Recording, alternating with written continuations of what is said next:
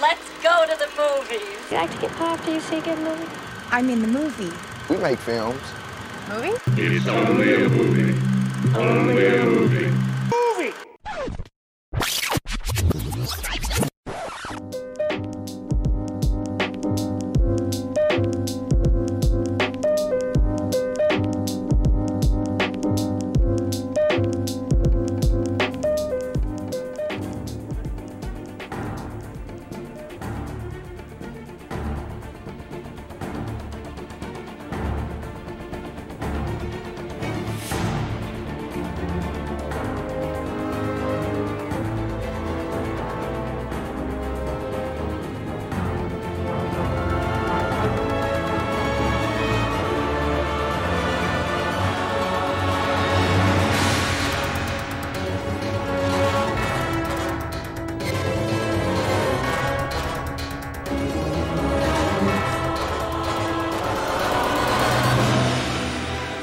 Du nu skulle have nogle superkræfter, hvad skulle det så være? Øh, åh, det er simpelthen farligt at spørge om, fordi man kan udlevere sig selv. Sådan, Ja, ja, hvis hvis, jeg hvis, håbede, hvis jeg der er kunne- en, der siger lidt for hurtigt, at jeg vil kunne gøre mig usynlig, Ja. så er man sådan, okay, du er fucking creep. Det var lige nøjagtigt det. Jeg håbede, jeg kunne få dig i den der fælde, hvor du sagde et eller andet perverst, at du skulle kunne se igennem vægge eller eller Jeg andet. tror egentlig bare, for mig, så handler det ikke om at få ekstra kræfter. Det handler ligesom bare at opveje de negative ting ved min krop, som jeg allerede har. Så jeg kunne godt tænke mig at komme af med allergier, for eksempel. Det tror Okay. jeg. Det er Min eddermame en sløj det er- superhelt. ja, Ham men der, altså- der ikke har nogen allergier. Hold kæft, det er superhelt. Det Men jeg ham, tænker bare, hvis man starter i minus, så vil man hellere bare du ved, have det fjernet, end Ja. at være ham der allergikeren, som så også er super stærk. og så, Og så din nemesis superskurken, det er ham, der har alle allergier, og ser dig som et fucking røvhul, fordi du kan jo overleve det hele.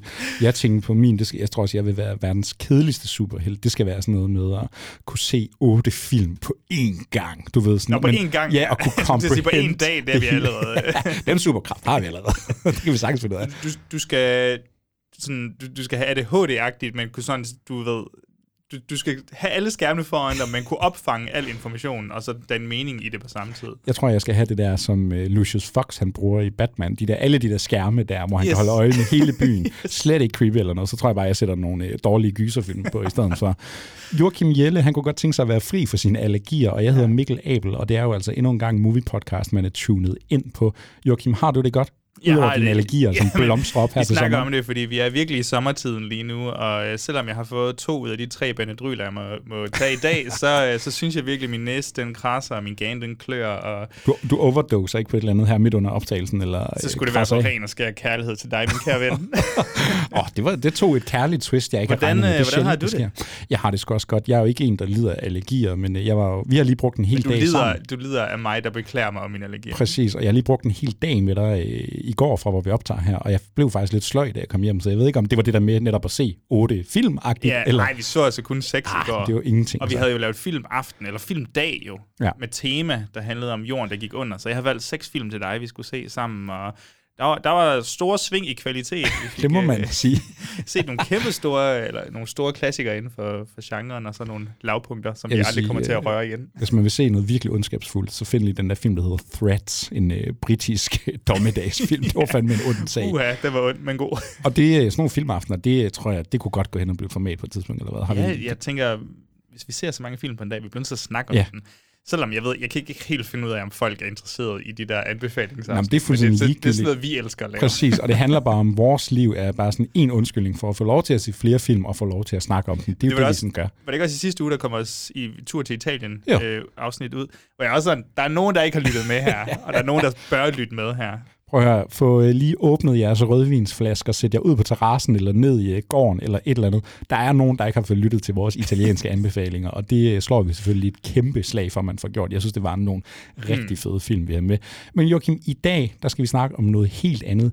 Nogen vil endda sige, hov, hvor er det vildt, at det er det her, I skal snakke om, fordi der går jo nogle ondsindede rygter om, vi sådan lidt er nogle haters. Vi er, vi har lidt set os sure på den her genre, vi faktisk ender med at skulle tage os af i dag, for der er jo en specifik superhelt, vi skal snakke om i dag. Hvad er det, det skal dreje sig om? Det er Æderkoppemanden, Spider-Man, som, øh, som ja, vi har kendt, som jeg nærmest er vokset op med, ja. føler jeg, som jeg har kendt i mange, mange, mange år nu, og har fulgt øh, på, på godt og ondt. jeg har set mange af dem i biograferne. Ikke de tidlige, men jeg har set mange af dem i biograferne. Men vi skal snakke om, øh, om den kære superhelt i dag, den her unge æderkoppemand, øh, i anledning af Spider-Man Across the Spider-Verse. Ja, jeg den tror, det er det, den endte med at hedde. Det tror jeg også. øhm, ja, som kører i biografen lige nu. Vi to har set den. Vi har endda set den for, et, øh, for nogle, nogle dage siden, ja. så den ligger godt og har rumsteret godt. Og så tænkte vi, jamen hvorfor ikke, at vi laver en kæmpe sammensmeltning. Vi blander alle de her forskellige Spider-Man-universer i vores eget lille multiverse her. Og så laver vi en, en, en rangering, som vi kun har gjort en gang før, men en rangering, hvor vi går igennem alle de her Spider-Man-film. Altså start fra øh, den første Spider-Man i 2002. Ja, jeg tror, det er der, vi starter med Ja, Sam Raimi. vist Og- et eller andet. Og det er måske også lige en disclaimer at putte på. Vi skal ikke sidde og snakke om japansk Spider-Man nej, fra nej, nej, nej. 1966 eller et eller andet random. Altså, vi tager os af den der canon. Spider-Man, som er en del af det her Marvel, som har bevæget sig ind i den her MCU. Ikke? Så det er sådan rundt regnet de sidste 20 år, vi har haft med Spider-Man i øh, biograferne. Og Joachim, onde tunger, de vil sige, at vi hader superhelte. Hver gang vi har anmeldt en Marvel-film, så er det altså øh, ikke ret mange stjerner, det er sådan sammenlagt er blevet til. Og vi har øh, gang på gang udtalt os, find nu på noget nyt, kom nu med noget nyt, øh, gør et eller andet rusk og så rundt. Vi kan ikke holde til flere generiske superheltefilm. Nu skal vi i dag snakke om 10 Spider-Man-film. Det vil sige yes. den samme. Det er også helt vildt, der er kommet 10 Spider-Man-film på grund 20 den år. samme ikke? historie. Ja. Og, og, og, og hvad så nu, øh, når du er gået ind til den her udfordring, den her rangering? Ikke? Vi kan måske prøve at sætte lidt sådan, øh, du snakker om at vokse op med Spider-Man, mm. ikke? altså hvad er dit forhold til ham? Men også, altså hvordan var du stemt omkring det her, øh, den her episode, vi nu skal til at lave? Jeg var, jeg var ret sådan positivt stemt ja. over for den, fordi jeg tror egentlig måske endda, at det var mig, der foreslog selve formatet, fordi jamen, jeg har jo især de to første øh, øh, Spider-Man, øh, Tobey Maguire Spider-Man-film, har jeg, altså dem er jeg vokset op med, så dem har jeg jo selvfølgelig haft det der nostalgiske forhold til, som der er sikkert også er mange andre derude, som har. Øhm, og jeg glæder mig til ligesom at gense dem, og de egentlig, du ved, hold, holdt, øh, altså kunne holde sådan 20 år på banen her, ja. med så mange andre, ikke bare superheltefilm, men så mange Spider-Man-film, der også har været sådan der, hvor de sådan ligesom, hvor de lå henne. Og så er det samtidig, synes jeg personligt, det er mega interessant at have et franchise, eller en, et studie nærmest, som Sony nu er, øhm, som, som har kørt på Spider-Man som en af deres sådan, flagskib i så lang tid, og se hvordan på tværs af tid, på tværs af filmhistorien, den korte, øh, moderne filmhistorie her, hvordan det har ændret sig, hvad de har været nødt til at gøre, for at kunne følge med tiden og sådan noget. Ja, det, det synes jeg også er spændende, Ja. ja. men jeg ved ikke, om det er noget, som alle synes er spændende. Nå, men også Så det der jeg med, glæder mig meget. Ja, og også det der med, at vi lever i en tid nu, hvor at der kommer en, man kan føle, at der kommer en superhelte-serie eller film ud på streaming eller i biografen nærmest uge til uge, kan det føles som nogle gange. Ikke? Spider-Man var jo en trendsetter, ikke? Altså, det var jo Spider-Man, X-Men og, mm. og måske også en lille smule Blade. Det var jo dem, Lille der kom der i start nullerne og virkelig introducerede os for, hvad en superheltefilm kunne være, hvad den kunne som genre, hvad den Du kunne var på også vokset op med... Jeg er vokset op med det. Spider-Man var øh, min totale yndlingshelt. Altså, jeg elskede Spider-Man. Jeg havde alle spillene. Jeg fik sågar, da jeg ikke var ret gammel, så fik jeg sådan en øh, legetøjsbil, der kunne slå sådan nogle æderkoppeben ud. Og jeg er redselslagende for æderkopper, Ja, ja, ja. så jeg turde ikke engang have den bil ned under min seng. Jeg ved ikke, hvorfor mine forældre valgte at give mig den gave. Jeg, øh, jeg, jeg tror faktisk, jeg har set syv ud af 10 af de her film i biografen. Også de øh, Sam Raimis første Fedt, der. fedt, fedt. Så Spider-Man er en, der har fyldt øh, enormt meget for mig. Jeg tror, så med årene er jeg nok blevet lidt mere en Batman-fyr. Det er lidt, Okay. mere, øh, Ja. lidt mere gritty, lidt mere dark. Ja, selvfølgelig. Det er det noir-delen. Præcis, det var den, der tiltrækte der. mig. Så jeg vil faktisk også sige, da du ligesom smed den ud, at nu, øh, nu rangerer vi skulle lige alle Spider-Man-film, så kunne jeg også mærke, okay, det er faktisk virkelig mange år siden, jeg har set de fleste af dem her, ja. altså, som ikke er en del af det her nye MCU. Så det var også bare en fed udfordring. Og sådan, fordi jeg har jo også tit udtalt det her med nostalgi. Det er ikke noget, der fylder super meget for mig sådan i mit liv, i min måde at se film på. Jeg har ikke ofte den der nostalgiske følelse. Det er noget, vi kommer til at snakke om i dag. Hold kæft, jeg blev ramt på nostalgien i, øh, i den her Altså, øh, jeg, jeg, film. der er nogle af de her film, jeg har genset sådan med et par års mellemrum, ja øh, hvor de stadig er holdt for mig, kan jeg sige. Så det, ja, jeg glæder mig meget til at snakke især om nostalgifaktoren, som vi måske har været lidt efter en gang imellem øh, på, i sådan andre, andre films snakke om 80'er nostalgi ja. og sådan noget. Øhm, ja, her har vi noget Spider-Man-nostalgi, som utroligt, at en øh, Peter Parker, ung fyr øh, i, på Brooklyn, han ligesom kan fylde så meget i ens liv, fordi han kan svinge sig rundt i noget, ja, noget æderkoppespind, der kommer ud af hans arm. Nogle gange, og så andre gange ud af nogle hemsterdemster, lidt han Yes. opfinder hen ad vejen.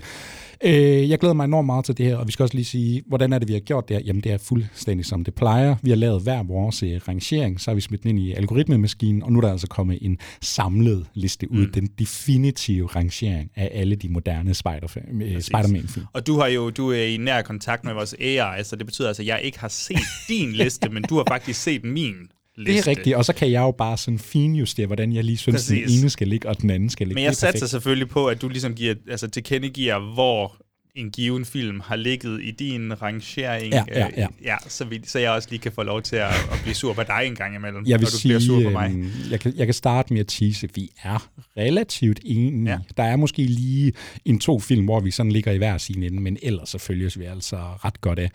Jeg tænkte på, skal vi prøve at sætte lidt ord på, jeg ved, du har læst en bog blandt andet, der netop, som du snakkede om, prøver at sætte Spider-Man i en kontekst ja. for det moderne Hollywood, hvordan det faktisk har været med til at forme især sådan en blockbuster-film og den økonomiske aspekt af, hvad film er og skal kunne gøre ja, alt det her. Vil du prøve at sætte nogle ord på det? Ja, altså vi kan lige så stille starte med, altså, jeg kan starte med at sige bognavnet. Det er en bog, jeg faktisk læste for mange år siden, og så har jeg lige skulle skimme igennem nogle ting her, men jeg tror bare, den hedder The Big Picture, øh, øh, forfattet af Ben Fritz, tror jeg, han hedder. Den store mobbedreng, en guldbog. Min, ja, den er, er flot. Det altså, den er ikke kæmpe stor, men Nå, okay. den, den, er bare hardback og ser rigtig fin ud. Øhm, men øh, nej, han prøver ligesom at skitsere sådan øh, Spider-Mans øh, liv på, på, på filmlæret, øh, samtidig med, at han ligesom øh, sætter det op imod Sony, som naturligvis har haft Spider-Man igennem alle de her år, øh, og så har været nødsaget til at lege, den ud, lege Spider-Man ud til et andet stort studie på et tidspunkt. Øh, men samtidig så var der jo også i Sony øh, i 2014 det her kæmpe store, den her lækage af ja. mails, for, hvor især Amy Pascal hoved, øh, hvad skal man sige, ansigtet udad til, til måske, kan ja. vi godt slippe afsted med Var det ikke sige. efter uh, Seth Rogen og James Franco, de kom lidt for tæt på nordkoreaner? Jamen, jeg tror, der var, jeg tror, der var noget af den stil i hvert fald. Nå, men så kom der en masse leaks derfra, og den her snak om hvad skal man sige, selve studiet, og hvordan de ligesom kæmpede med at få nogle penge og, og finde ud af Spider-Man. Samtidig sætter han det ultimativt også op imod, om, mod sådan, hvor er filmlandskabet, superheltefilm, blockbusterfilm, døden over den her mid-budget film, som vi har snakket om flere gange, som, øh, som ikke kan finde plads i biografen, altså ender ud på streaming eller et eller andet. I kommer ikke til at få hele den her kæmpe historie. Jeg kan bare sige, at øh, jamen, Spider-Man starter jo i 1962. Er det det, mine noter siger? Det håber jeg måske, det er rigtigt. det, tror jeg, det lyder meget sandsynligt. Er af, af Steve Ditko og, og Stan Lee selvfølgelig, og, og rammer jo bare en fantastisk side, sidegeist her med en, en nørdet teenager. Øh, du ved, det, nu var det en ung person. The superhero that could be dot dot dot you. øhm, så det, det er unge mennesker, nørdet, interesseret i piger, og, og, og selvfølgelig lektier og imod mobning og jonglere teenage-livet, som vi, vi jo har set tusindvis af gange nu rammer en god zeitgeist, og indtil de sene 2000'er, så stod Spider-Man for 62% af Marvel, altså Marvel tegneserier ja. og merchandise og sådan noget, tror jeg måske endda også, for at, at deres profit Prøv at tænke på det. 62 procent, det var Spider-Man. Ja, det er fuldstændig sindssygt. og jeg ved ikke, altså så er Hollywood jo bare et, øh, et mærkeligt landskab, hvor, øh, hvor der er nogle relativt ukendte personer, der kan sidde på rettigheder, og så kan det jo faktisk være med til at definere filmhistorien fremover. Så der er ham her, Manachem Golan, øh, som har været producer på tekst, øh, Motorsavs Massacre 2 og Superman 4, Fantastic Four, altså de her gamle versioner af dem. Så er der også nogle andre actionfilm og sådan noget. Han havde rettighederne, der begyndte at være lidt rumsterende omkring, skal vi lave noget med det her? James Cameron var inde over i start 90'erne. Som en, altså til at instruere Til at instruere med et budget på sådan 3 millioner eller sådan ja. noget. Og det skulle være en blockbuster-film, og han vil have 50 millioner for, altså til budget til at kunne lave den og sådan noget. Nå, selvfølgelig, det gik uh, galt, og der var problemer med rettighederne. Folk sagsøgte hinanden. I 1996, der, der erklærer um, Marvel bankruptcy de har simpelthen ikke øh, nogen penge tilbage. Der er forskellige studier, der er inde over, sådan, hvad skal vi, skal vi købe selve Marvel på det her tidspunkt? Warner overvejede, men de har jo DC, som ja. måske passede det ikke lige.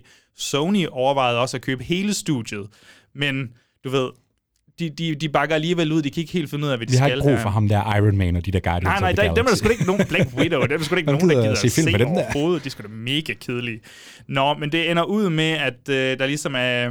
Jeg tror ham her, jeg Landau fra... Øh, fra en israelit, tror jeg, fra, øh, fra Sony, han får ligesom øh, erhvervet sig rettighederne til Spider-Man der i starten, altså i 2000 eller sådan noget, tror jeg, får han rettighederne kun til Spider-Man.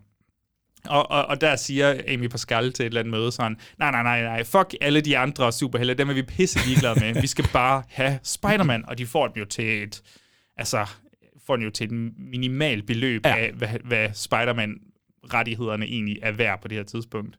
Øh, og så, øh, så skal vi jo så have lavet den, den første film, og det, det går der jo så hele tre år med at producere den, så det vidner også om, at de jo faktisk var villige til at bruge noget tid på at finde ud af, hvordan fanden skal vi gøre det her.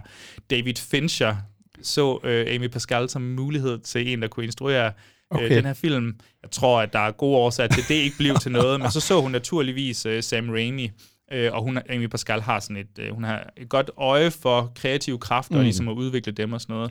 Ja, Så- han laver jo en Peter Jackson, ikke? Altså, der mm. også kommer fra horrorverdenen, og nu står du lige her omkring samme tid, ikke? Med en af verdens største filmfranchises lige pludselig. Præcis, og han har lavet nogle mere mainstream film ja. og sådan noget på det her tidspunkt, og så passer han lige ind, og han vil mega gerne have Tobey Maguire ind over. Hun er sådan, ja, okay, hvad har vi her? øhm, han havde vist set ham i Pleasantville og The Ice Storm og sådan noget, og tænkt, han har den der kajtethed Ja. ja. over sig, som, som måske kan føre ham frem i livet. Og det er ligesom der, Spider-Man kommer, altså til, tilblivelsen af Spider-Man på, øh, på det store lærred. Det er der, vi starter.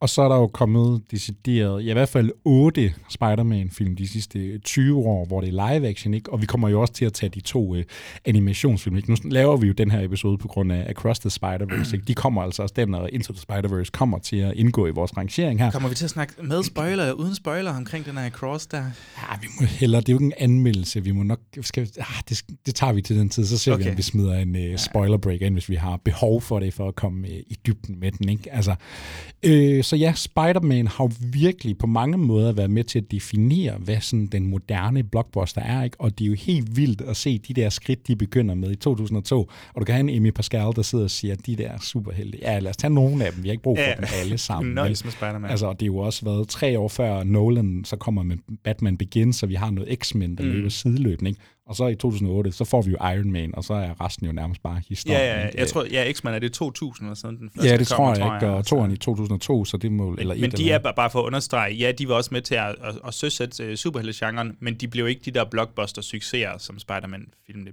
bliver. Men det kan vi snakke om, når vi kommer til de på, øh, pågældende film. Ja, og øh, vi skal jo egentlig bare tælle os ned fra øh, 10 til 1 her. Vi har, øh, ud, ja, vi har lavet vores øh, liste sammen her, så jeg ved ikke, Joachim, skal vi bare smide en breaker på, og så øh, kaster vi os ud i det, så kommer det altså som en overraskelse, hvad der øh, ligger her på vores 10. og dermed sidste plads. Spider-Man, Spider-Man, does whatever a spider can. Spins a web any size, catches thieves just like flies. Look out, here comes the Spider-Man. Is he strong? Lives in blood. He's got radioactive blood. Can he swing from a thread? Take a look overhead. Hey there, there goes the Spider-Man. Og nu kunne det sgu godt gå hen og blive kontroversielt allerede her for vores eh, 10. plads. For Joachim, vi har simpelthen valgt at placere den syvende bedst indtjenende film i verdenshistorien. Ja. Den ligger altså på vores øh, 10. plads, og dermed rangeret som den dårligste Spider-Man-film. Wow. Og det er jo faktisk den øh, seneste Spider-Man-film, du kunne se i biografen. Ja, ikke helt med den her Ikke helt, animation, nej. men øh, med et levende menneske foran dig, fordi det er altså øh, Spider-Man No Way Home, vi snakker om. Og det er jo øh, sådan den store kulmination på, hvad Spider-Man især har været i den her MCU-verden. Ikke? Nu er det Tom Holland, der har overtaget. Han har jo begået sig både i øh, de der Avengers-film og en enkelt Captain America, lidt forskelligt. ikke? Så har han haft tre film, vi har fået den her øh, trilogi. Jeg tror dog, der skulle være en øh, fjerde Ja, film ja, på vej. Ikke? Men No Way Home, det var jo virkelig en film, der har været kæmpe forventninger på, fordi alle rygterne begyndte jo at, at gå. Kommer de gamle Spider-Man med her? Ikke? Dukker Andrew Garfield og Tobey Maguire op i det her? Hvem skal være skurken? Wow, kunne man også finde på at tage alle dem nu? Fordi MCU er jo på vej ind i sin multiverse-fase på det Ja, her det er de tidspunkt. virkelig. Ikke? Men Joachim, du har sgu valgt at placere den på din sidste plads, fordi det kunne du overhovedet ikke lide det her, eller hvad? Nej, jeg synes, det er noget bras. Det synes jeg virkelig. Og, og, og ikke fordi, at det er teknisk dårligt lavet. Altså, det er ikke fordi, at, øh, kan det passe, det John Watson hedder instruktøren, ja. der har været på den her trilogi. Det er ikke fordi, han er ude af stand til at bevæge et kam- kamera, eller sætte lyd, eller noget som helst. Men, men for mig, så er det her bare indbegrebet af, hvad filmindustrien og filmlandskabet er blevet, hvor de ligesom prøver at vække de her nostalgiske følelser, prøver at referere til andre film, prøver at og simpelthen bare genbruge så meget superhelt øh, IP, der er derude til at fremme, fremmane et eller andet form for håb for, at nogen kan få nogle oprigtige følelser til de her film. Føler jeg selvfølgelig. Der er jo nogen, der har de her oprigtige følelser til filmene. Fair nok, men for mig så er det bare så kalkuleret, så orkestreret, at jeg sidder og vemmes over et, et kæmpe filmstudie, øh, laver sådan noget som det her. Det er sådan, det er sådan hvad skal man sige, den, den morals, du ved for mig, sådan, jeg kan sidde, jeg kan sidde og blive sur over, Ja at studiet laver sådan noget her. Jamen, så er der øh, også nogle ting ved filmen, jeg ikke synes, der Genså du den op til det her? Eller? Det gjorde jeg faktisk ikke, Nej. men øh, jeg så den også i... Jeg tror kun, det vil gøre det værre, ja. jeg sige. at Jamen, øh, og det tror jeg, det bliver også, fordi jeg tror egentlig, øh, da jeg så den i biografen i sin tid, der den har været fra 2021, mm. øh, jeg havde jo egentlig sådan, åh, det var da ret vildt ting, at de alle sammen dukkede op i den, og wow, var det crazy, ikke? Og det var, sådan, jamen, det var fint nok, men også lidt en, en, en med-følelse. Ja, ja. Nu genså jeg, jeg har faktisk genset alle filmene op til det her, for jeg havde Sådan, virkelig mand. brug for lige at få dem ind under huden igen. gehen. Og for mig er det her bare en fis i en hornlygte, og jeg synes, vi er også sådan helt seriøst nødt til legitimt at snakke om, som en del af moderne filmkritik, når det er de her blockbusters, altså hvor designet er det her ikke også bare til at gå viral, og til Ja, ja. at blive memes, og til, det der, til at blive gifts. Nå, nu står de tre Spider-Man og peger på hinanden, ikke? og øh, så kommer de med nogle forskellige replikker, og sådan, altså alle skal lige have deres shine, ikke? fordi Andrew Garfield er tilbage, Tobey Maguire er tilbage. Jeg synes faktisk, altså ikke et ondt ord om dem, jeg synes faktisk også, de er ret dårlige i den det her synes film, jeg når også, de, de så er. ankommer. Altså. Men, men for mig så er det, øhm, hvad skal man sige, de eneste følelser, man ligesom øh, får, rigtige følelser, det er på baggrund af de tidligere karakterer, der bliver hævet, hævet ind i det her univers. Og det vidner jo bare om, at det, de ligesom har opbygget, ja. ikke er, er godt nok til at stå på egen ben. At Ja. de er nødsaget til at få, øh, få tidligere superhelte med, og derved tidligere fans med ind for ligesom at kunne, kunne tage del i det. Ja, og det bliver sådan et mærkeligt øh, nostalgi-overload, men også det her med, for mig er det her så meget, nu skal vi snakke, øh, nu må vi se, hvor øh, Into the Spider-Verse og Across the Spider-Verse, de lander på vores rangering, ikke? men for mig er No Way Home også så meget et symbol på, hvor svært det er at lave den her multiverse-fortælling, når du har med rigtige skuespillere at gøre, når du har med rigtige mennesker, og det er sværere at lave de her effekter, og du skal have store det der med, at du gerne vil spaz sådan. Out og freak Ja. out og lave det mega vildt og random. Det er så utroligt. De kan hive alle skurke tilbage, de hiver alle Spider-Man tilbage, men det føles så sterilt, det føles så begrænset, det føles så... Altså mange scener ja. Er bare, hvor de står lidt i sådan en rundkreds og snakker inde i en stue, eller nede i den der subway, hvor de alle sammen er i sådan nogle fængsler. Ikke? Altså, den er så begrænset, den her film, og det er fuldstændig grotesk, når den er jo ikke på det der, den burde være på det der Infinity War eller Endgame-niveau, mm. hvor det bare er larger than life. Jeg synes, den her film er så lille, ultra bitte, at jeg overhovedet ikke forstår det. Og det er jo sjovt, vi, vi, vi river allerede fat i sådan en masse ting her, som vi kan tage med os videre på, øh, på det lille eventyr, det her er, men også bare, øhm, hvordan vi så hiver de her gamle karakterer ind i en ny setting. Vi hiver de her karakterer, der er, hvis kostymer har været øh, mestendels praktiske, det har været praktiske effekter, det har været en helt anden filmstil, de er skudt på film, de tidlige Spider-Man-film, øh, der har været noget helt visuelt anderledes udtryk ved dem, hiver dem ind i det her, øhm, ja, på en og samme tid stiliseret, men også øh, lidt for digitale, mm. sådan farverne er lidt for digitalt vibrating. Øh. Jamen, og du har også en uh, Doc Ock, ikke? Man har prøvet at gøre Alfred Molina yngre. Der er også Ja, noget ja. med Willem Dafoe. Alle er sådan lidt, man har øh, omdesignet øh, Electro-karakteren. Alle er bare sådan, der er sådan lidt, andet, det er sådan lidt off i deres Det er mega ansigter. off, og det er jo så også igen det her klimaks, som vi også kommer til at snakke om øh, vedvarende igennem de her forskellige film. Igen skal vi placere os et eller andet sted højt op, hvor der ikke er nogen sådan, hvad skal man sige, uskyldige mennesker omkring, ja. og så er det ellers bare CGI blobs, der interagerer ja. med hinanden. Og det er en gentagelse af et klimaks, vi har haft i øh, de første tre andre Spider-Man-film. Altså, Jamen præcis. det var virkelig et ringe gensyn, det her. Er der og- noget godt ved den? Altså, kan du finde noget godt? Jeg synes, Willem Dafoe og Alfred Molina, de har, de har det lidt sjovt. Mm. Det, det vil jeg ikke sige. Ja, og der er vel sådan, kan jeg godt lide. øh, Der er vel form, så der er vel sådan en gensynets glæde, mm. at det så ikke virker efter den effekt, jeg synes, det burde, eller på det niveau, det burde. Det er så, hvad det er. Og så synes jeg jo også, den er jo egentlig bedst, når den følger Tom Holland, når den følger de her karakterer, altså, øh, hvad hedder hun, Zendaya som Mary Ja. Jane, og, altså de her karakterer, vi har lært at kende nu hen over de sidste par år i den nye udgave af Spider-Man-film, jamen så er det egentlig fint nok, og der er der nogle enkeltstående scener, der fungerer fint, men jeg synes ikke, den opnår øh, ret meget i forhold til, hvad der lægges op til. Vi skal øh, videre til en 9. plads. Nu øh, springer vi altså lidt tilbage i årene. Vi håber, man kan holde styr på, hvor vi er i Spider-Man-kronologien her. Yes, yes. På 9. plads, der følger, vi, øh, der følger vi op med The Amazing Spider-Man. Det bliver altså rebootet af Spider-Man i 2012 her. Hvad er det? Fem år efter Sam Raimi, han har øh, fuldført sin trilogi.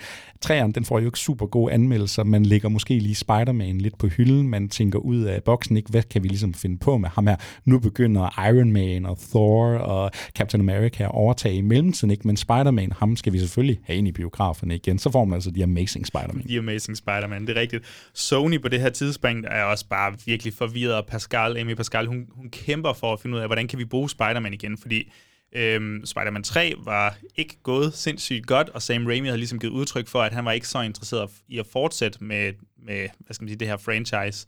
Og det vil simpelthen også koste for mange penge at få den tilbage igen. Så hun kom ligesom med den der idé om det, vi kender meget godt nu, det der med at reboot øhm, et, et franchise, øh, som man jo har gjort vanligt i tegneseriefilm, sjovt nok. Så det følte hun, det er jo oplagt at gøre her. Og det vilde ved den her film, og det, nu kommer der lidt øh, nørdet øh, bag ved scenerne her, men det vilde er, at øh, det her det var et dårligt år for Sony, selvom det var deres mest billetindtjenende år Okay. øh, i, i rigtig mange år.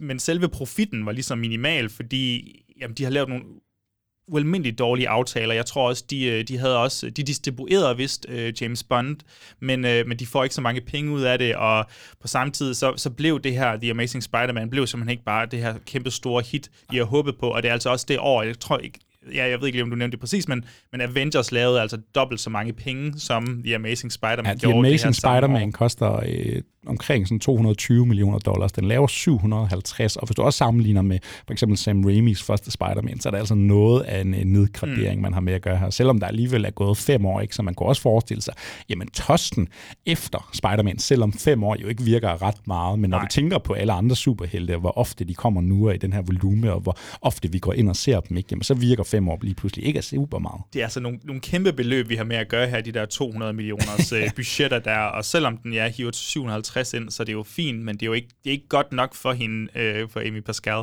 Men øh, så, så er jeg nysgerrig. Gensyns øh, glæde her. Ja. Er det en fantastisk oplevelse at gå tilbage til The Amazing Spider-Man? Der er et eller andet, der vidner om, det måske ikke er, når den ligger så langt nede på vores rangering. Du fik den genset, men Jeg fik den genset, og nu ligger den jo på vores 9. plads. Jeg tror heller ikke, jeg lyver, hvis jeg siger, at det var sådan den film, jeg nok havde sådan mindst lyst til at gense, for jeg kan ikke huske ret stærke følelser omkring den her film.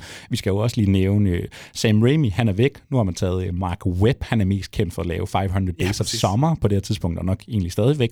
Øh, har virkelig sådan skabt sig et navn. Ikke? Nu skal han ind som den her mm. indie-instruktør og håndtere en kæmpe millionbeløbs og det er jo lidt sjovt, nu laver jeg lige en parentes der, det er jo lidt sjovt, der hvor Marvel er nu, hvor de nogle gange hiver en Chloe Zhao ind for ja. At instruere et eller andet, og, og så gjorde det med, med Taika Waititi på sin vis også, som så måske har fundet sig lidt mere til ret Ja, i det. og jeg kan huske, det var også noget, man snakker om på det her tidspunkt, ikke? fordi man skifter jo også uh, Tobey Maguire og Kirsten Dunst ud. Nu hedder Mary Jane i stedet for uh, Gwen Stacy, ikke? Øh, og så har vi Andrew Garfield som Spider-Man, og man tager Emma Stone. To uh, skuespillere, som jo virkelig, sådan, altså den her film gør dem jo til superstjerner, ikke? og sidenhen, jamen, Emma Stone har vundet Oscars, har været med i mange sådan store film, og sammen med autører, så Andrew Garfield, han virker, han er sådan lidt en... Han råder lidt mere rundt, men han, jeg synes stadig, han leverer nogle gode Han, han er bestemt en uh, skuespiller med kvalitet, ikke? men der kan jeg også huske, der var den der følelse, at når Mark Webb, det- 500 Days of Summer, han kan, han kan netop præcis næle den der tone, Spider-Man skal have, at det er sådan lidt dorky, det er sådan lidt quirky, uh, Peter Parker, Gwen Stacy, den der sådan, det ja, sådan, præcis ikke? Den der sådan coming of age følelse, der jo også skal være i Spider-Man, samtidig med, at det skal være en giga-action uh, superhelte Ja. blockbuster. Jeg kan huske, den, jeg så den her film i biografen, det var den første 3D, og nærmest også den eneste 3D-film, jeg har set i uh, biografen, og det var altså, vel at mærke, i 2012. 3D var lidt noget andet Ja, også dengang. Øh, kan tydeligt huske en følelse af, åh, oh, jeg elsker Spider-Man, men det her, det var altså en ret sløj oplevelse. Skurken, øh, hvad hedder han, øh, Reptile Man, har jeg lyst til Ja, at ja, ja, ja, ja. Connors, Dr. Connors. det er præcis, ikke? Vi får en stor Reptile Man. CGI-reptil. Og det er bare sådan, det der er med den her film, det er bare, den er mega øh, sådan, den er bare sådan grå, den er utrolig Ja. blå, den her film. Sådan, ja. Virkelig bare sådan, alt er bare, det, der er ikke særlig meget sådan tegneserie over den, først og fremmest, især ikke når man sammenligner og kommer fra Sam Raimis film. Og så er den bare sådan lidt kedelig.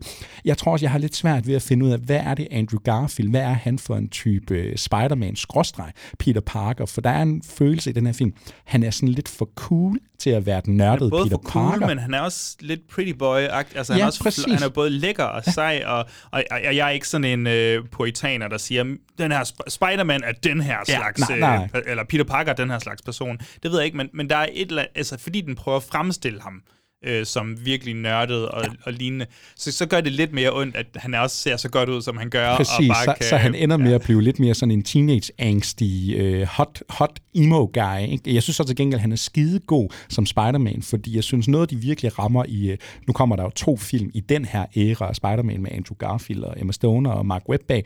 Øh, jeg synes, de, er- de er skidegode til at ramme Spider-Man. Altså den type Spider-Man, vi kender, hvor der kommer de der one-liners, Ja, hvor de bliver, lip, ja, de bliver leveret med noget selvsikkerhed. Ikke? Øh, De skulle rimelig godt skrevet, og sådan. Altså, det synes jeg virkelig den rammer med. Jeg synes, det er en ret kedelig film, sådan all over. Hvad med dig? Men det er også virkelig den note, jeg har skrevet med gensynet. Det var overraskende kedeligt. Ja. Um, det, er, det, var, det var så første gang, vi fik lov til at genopleve øh, Onkel Bens død, og, og alle de her sådan træk, vi har oplevet før, de prøver at sætte lidt større sådan komplot op omkring hans øh, forældre. Øh, men, men, men det er jeg også øh, mest en del uinteresseret i, hvis jeg skal være ærlig. Men, og, så, og så så synes jeg så ikke, øh, og det ved jeg ikke, hvordan du havde det, men jeg synes altså ikke, kemien mellem øh, Garfield og Emma Stone var sindssygt Nej. god i den her Nej. Film, vil jeg sige. Der, det, det er som om, der er et lille bitte mismatch af, hvad, hvad de egentlig skal bringe til bordet, begge to. Og så er der igen det der med, at vi skal kravle op et eller andet højt sted, og så have vores klimaks deroppe. Ja, og, og, og det er godt, du kommer ind på det, fordi det der også er med den her, når, og især når du kommer lige fra Sam Raimi, den her, den er så meget en gentagelse af Sam Raimis første Spider-Man, fordi selvom der jo så kun er gået fem år, så er det en til en, vi skal have den samme historie. Ikke? Man har tilføjet lidt flere elementer med Peter Parkers forældre, det er mm. noget, der mere kommer i spil i uh, toren, ikke? men vi skal have Onkel Bens død i en, uh, ja, næsten Martin Sheen cameo, ikke? Altså, men vi skal have alle de der origin steps, som vi jo er ved at brække os Over, når vi kigger på superheltefilm i dag. Ikke? Ja, og det, det er jo sjovt, altså det er jo så den der metafortælling med, at øh, vi får lov til at genopleve det på skærmen, samtidig med, at Sony og Amy Pascal prøver at genopleve, genopleve øh, det her kæmpe box office, box office øh, succes, som den første film var. Men øh, der fejler den jo så sjovt nok på begge punkter, og det kan være, det hører sammen. Fra The Amazing Spider-Man, så bevæger vi videre på listen. Øh, Vi rammer en 8. plads nu, og nu skal vi altså have toren i den øh, seneste æra her. Nu hedder det Spider-Man Far From Home øh, 2019. Et lidt besynderligt kapitel i øh, de nye Spider-Man-film her, fordi det den jo ender med at være, det er, at det er den sidste film i den her Infinity War-saga. Ikke? Vi har lige haft Endgame, vi har haft 10 års superhelte MCU-klimaks. Altså det føles som en larger-than-life-film, fordi du har haft alle nærmest skuespillere i verden med her, ikke? og den har tjent alle penge i verden, og nu har vi ligesom sat et punktum. Men nej, vi skal lige have det her lille Spider-Man efternøler, som skal på en eller anden måde næsten sætte næste saga op, og så alligevel ikke, for det er jo meget sådan en stand-alone film. Altså, hvad er din følelse omkring den her film, Joachim? Ja, den, ja, jeg tror, den har vi så ikke snakket om på podcasten, men øh, jeg, havde også den her film. Jeg synes, virkelig, jeg synes virkelig også, det er noget bra. Så her, jeg havde den på for, jeg synes, jeg hader det ikke, fordi jeg går rundt og siger til folk, åh, jeg hader det. er ikke, fordi jeg tyrer ind på, ind på internettet for at skrive til folk, at Jeg kan er så sige øh, elendig. til lytter, at Joachim, du har den jo faktisk på din, øh, altså du har den på din personlige sidste plads. Okay, det var sådan, det var. Jeg kan, du kunne godt have overbevist mig om, at, at uh, No Way Home var på min personlige sidste Ja, plads. ja du har den som nummer to, og så Far From Home som din sidste plads. Ja, jeg, jeg synes, at, øh, at udover Jake øh, Gyllenhaal i den her, som har en, en fest, ligner det, han bringer en energi, en kaos-energi, som kun han kan, men ellers så, øh, så bliver det igen, som du siger, i det her overarkende meta-ark med Infinity Wars og saga og faser og whatever, der synes jeg også, den blegner og passer ikke helt ind. Jeg synes visuelt, at den, personligt synes jeg, at den er utrolig grim at se på, og der er et eller andet med, at den her har, jeg føler virkelig bare, at den har dårligere action end, øh, end de to andre endda. Der er et eller andet, der er et eller andet måde, han filmer det på her. Ikke- Genså du den her, eller så du den i biografen dengang? jeg så den i biografen dengang, og brød mig heller ikke om den dengang. Men jeg kan også sige, en af de ting, og det snakker vi sjældent om, men en af de ting, jeg heller ikke bryder mig om ved den, det er noget, der faktisk finder sted i historien. Et valg, jeg føler, der går i konflikt med, med nogle af de karakterer, de har prøvet at sætte op og sådan noget. Det, den her film jo meget handler om, er jo Spider-Mans forhold til, at uh, Tony Stark, hans mentor, ja. nu er død i Endgame. Ikke? Så det er jo meget hans bearbejdelse af, hvem er jeg nu? Hvad skal jeg være? Hvad er min plads i det her Avengers og superhelteverden? Hvem er jeg som beskytter? noget, der i princippet øh, burde give mig rigtig store følelser, men, øh, men det får jeg aldrig. Men, men her giver Mr. Iron Man jo også øh, Peter Parker en sådan hemstregim, sådan en 1984 Big Brother device, der gør, at han kan se alle andre telefoner og sms'er og sådan noget. Og, og, jeg, og jeg ved godt, det er, sådan, det er en lille ting. Det er ikke kun derfor, jeg ikke bryder mig om dem. Men, men det er bare, I har sat de her helte op til at være nogle larger-than-life øh, personer, og så laver I sådan et device, der altså er fucked up og noget, vi frygter i virkeligheden, basically. Ja. Øh, men, men sådan en, ja, giv den til en 15-årig knægt, ja, og så kan ja. han hygge sig lidt med det, og det er sådan, ah, prøv, altså, I tager så meget tage, altså, I vil gerne have, at de her personer skal tages seriøst, men samtidig så, ja. Det er lidt øh, fucked up. Jeg vil så sige til dens forsvar, øh, det her, det var jo faktisk en af de film på listen, der virkelig voksede på mit gensyn. For jeg Okay. kunne virkelig heller ikke lide den her første gang, jeg så den. Og jeg tror for mig, så hang det meget sammen med, jamen jeg var jo faktisk også ret skuffet over Endgame dengang. Og så kommer Far From Home, og hvorfor fanden skal vi have sådan en efternøler? Ikke? Øh, Det er bare sådan en lille bitte ubetydelig film på mange måder, og det havde jeg set mig ret sur på. Og nu er det ikke fordi, jeg vender tilbage til det og siger, at det her det er den bedste film, der nogensinde er lavet, tværtimod. Ja. Men jeg hyggede mig faktisk. Det her det var nok en af de gensyn, jeg sådan hyggede mig mest med, for jeg kunne faktisk, lige pludselig blev det faktisk en fordel for den, at den ikke var det der kæmpe Okay, store ja. No Way Home. Den var ikke det der kæmpe Spider-Man 3 med øh, alle mulige superskurke, der skulle i spil, og store klimaks og følelser. Det er en ret, øh, det, det er jo meget sådan ham, der rejser rundt i Europa med hans klasse. Synes jeg, der kommer mange komiske situationer ud, når han ligesom skal jonglere sit øh, yeah. hemmelige liv her. Og så synes jeg faktisk, øh, nu kan vi jo måske sådan, når vi nærmer os en afslutning, så kan vi prøve at putte nogle konklusioner på, hvem foretrækker vi som Spider-Man og alt det her. Ikke? Hvem er ligesom den, der måske nailer det bedst? stoler måske på dig her, eller hvad? Jeg synes virkelig, Tom Holland, han kommer i øh, spil her. Jeg synes virkelig, han viser sig fra sin bedste side. Jeg synes, han er skidegod til at næ- øh, næle den der sådan kajtethed af Peter Parker. Har noget coolness og power som Spider-Man. Mm. Ikke? Øh, Og så synes jeg jo også, den er godt castet, den her, fordi du netop har en Zendaya, du har hans øh, man, in the, man in the chair, yes. ham her øh, net, hvad fanden er det, han hedder, jeg kan ikke engang huske det. Og så har du, øh, du har nogle lærer og sådan noget. Der er meget sådan comic relief i den her film. Og så en Jake Gyllenhaal i hopla. Jeg føler lidt, Andrew Garfield, han er blevet den type skuespiller, som Jake Gyllenhaal. Altså nu meget uforudsigelig. Vi aner ikke, hvad de kan finde på. Ja. Lige pludselig dukker de op i ambulance. Eller ja, ja, helt i den stil. Jamen, det er rigtigt, du giver mig lidt lyst til at gense den, men jeg godt nok også, der er ikke, godt nok ikke meget i mig, der har lyst til det. Også fordi, nu kan vi så se, ja, det, som du siger, det kan så være, at den passer bedre nu, når man ikke skal tage, tage del i det her store univers, den er gang i, men, men på den anden side, så det er også sådan, den er stadig mega ubetydelig. Altså, det betyder ikke en skid, det vi sidder og ser, fordi vi skal videre til det næste. og vi skal videre til det næste. Vi smider en uh, breaker på, og så skal vi altså have fat i vores syvende plads. I am trying to fool 7 billion people here, including Nick Fury, who happens to be the most paranoid and most dangerous person on the planet. And if he catches on before I've killed him, then he will put a bullet in my head. And nobody wants a bullet in their head, right? Right? William, can you look at me? Pull up Edith. Hello, Quentin. Yeah, hi, honey. I need a level 5 search full resource protocol for this device. Magnifying. There. Search everything going in and out of that building. Located. Shit. You know, William, one day, after I've had to kill Peter Parker because of this, I hope you remember that his blood is on your hands! Og vi når os en øh, syvende plads, og meget passende, så er vi altså også i året 2007.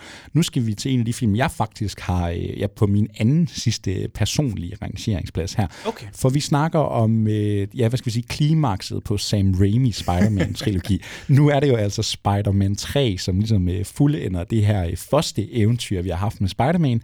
Og det her, det er jo en skide sjov film på mange måder, Joachim, fordi det er meget sjovt, hvad den sådan er blevet i internetkulturen. Yeah. For det her, det er jo et vanvittigt produkt på mange måder. Det her, det er jo første gang, vi virkelig ser en sådan kæmpe superheltefilm, der har fat i en hel masse superhelte og, og øh, skurke, især ja. skurke. Ikke? Og det her, det var en film, der også, altså jeg tror egentlig økonomisk klarede den sig okay, men ikke nok i forhold til, hvad man har sat den op til og håbet på. Den gav profit på 158 ja. millioner, ja. hvilket, når man siger det, hold nu kæft, det er mange penge, men det er altså 64 procent ned fra den originales profit, og 35 procent ja. ned fra toeren.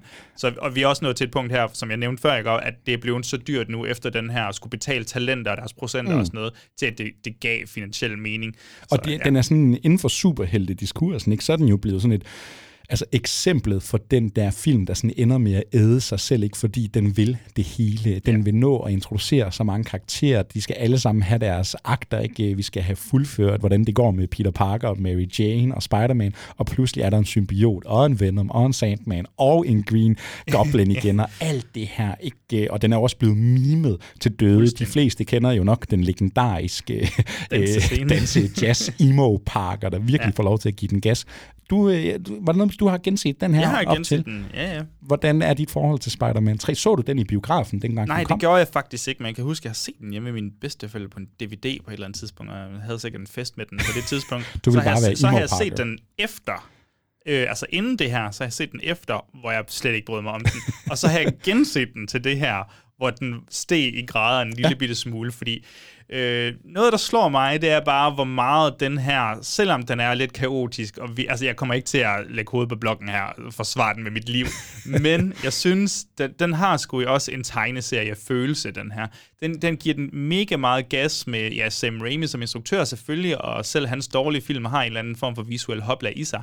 Øh, men, men der er jo skruet op for alle cylinder her, og det er både kikset og fjollet og dumt og umodent, og nogle gange mega seriøst, og så synes jeg, øh, altså en måde, man kan se den på, det er øh, at, øh, at kigge, lidt, kigge lidt på det her Mary Jane og Peter Parker forhold, som jeg synes faktisk får en rigtig sjov dimension her, når, øh, når de er gået videre fra toren, og ligesom har lidt et forhold, øh, et eller andet i det omfang der. Det er meget en will they, won't they øh, fortælling. Præcis, men, øh, men her synes jeg, det bliver virkelig sat på spidsen med, altså, er, er Peter Parker en ok person over for Mary Jane? ja. Altså, hun føler sig jo mega svigtet mange gange, fordi han er quote-unquote selvisk, når han skal ud og performe sine heltegærninger. Jeg synes, der er en rigt... Og så kommer symbioten ind, Venom. Er, han, øh, er det måske bare en metafor for Peter Parkers dårlige ja. side? Øh, gjort bare lidt tydeligt her. Jeg ved det ikke. Det må I selv øh, læse lidt op på, men, men jeg synes, den, den har sgu en underholdningsværdi, også lidt i dens kaos. Jeg synes, den har en øh, kæmpe underholdningsværdi, men jeg tror, at det er mere i en uh, so bad it's good okay. fortælling, end det ja. er en uh, decideret kvalifilm. Kan vi ikke også lige snakke om, jeg, jeg, jeg, jeg så de tre originale film i biografen, og jeg havde de der lange introer. Hvad sker der for de her Sam Raimi-film? De, altså, de havde jo intro credits, oh, ja, credits med alle ja, ja. skuespillere. De tog, jeg følte, da jeg var lille, jeg følte, at det tog 10 minutter at komme igennem de der navn. Ja, jeg, tæ- jeg tænkte også, det, det tager faktisk overraskende Det er helt sindssygt. Noget, jeg lige har brug for at spørge dig om, det er... Øhm, jeg hakker jo lidt ned på de her effekter, der er i, øh, i, i nogle af de her ja. Marvel-filmene her. Hvor, hvor er vi ligesom i 2007 med, med effektleje, og, og hvordan passer Sam Raimis film ind? Ja, det er skide sjovt det her, ikke? fordi vi snakkede lidt om det, da vi, var, da vi så hinanden i går. De her nullerne, start nullerne, de, de er jo så sjove set ud fra blockbuster-øjne, fordi nu... Bare hybris Præcis, og, og, og effektfilmen, nu er den blevet allemands eje. Nu kan alle studier ligesom til dels øh, gå ud og lave sådan store effekter, men det er så ikke alle... Altså, du skal helst hedde James Cameron eller et eller andet, hvis du virkelig skal næle det her øh, i forhold til, hvad mediet ligesom tillader. Jeg synes så faktisk, øh, hvis du hedder Sam Raimi og alle hans effektarbejder, det er helt vildt, den udvikling, der sker fra 2002 til 2007 yeah. I effekter. Altså bare Spider-Man, der svinger sig rundt i byen, løber så, op af vægge. Altså, så, så godt ud kontra 2002. Jeg synes decideret, altså uh, Spider-Man 3 her, den kan, den kan stå på mål til, hvad vi ser nu om dage ja. ofte. Altså jeg synes virkelig, der er nogle stærke effekter. Jeg er glad for, at du siger, men hvad med Sandman? og det er det, der er mit største problem med den her film. Ikke uh, specifikt The Sandman, men jeg synes, folk de spiller pisse dårligt i den her film. og jeg synes, den er fejlcastet, og jeg synes, der er netop en overflod af sådan total ubetydelighed. Jeg er så pisse ligeglad med The Sandman. Ja. Jeg har ikke brug for at følge ham. Jeg synes... Det, det, det, var, det kan jeg også huske, da jeg så den der første gang som... og, og, jeg aner faktisk ikke helt, hvad Tobey Maguire og Kirsten Dunst... Øh, jo, Kirsten Dunst, ikke et ondt ord om hende. Nej, du skal passe på ja, der, det må vi ikke. Men Tobey Maguire, og det er jo en måde, altså det er det, man ligesom vælger at gøre med øh, hans karakter, Peter Parker. Den der transition fra bad boy og til good guy, og hvad fanden vil han være, jeg synes, det giver så meget komisk sådan elendighed i det, han prøver at gøre. Ja. Og så synes jeg jo, Topper Grace som Venom, hvad fanden er det, der foregår?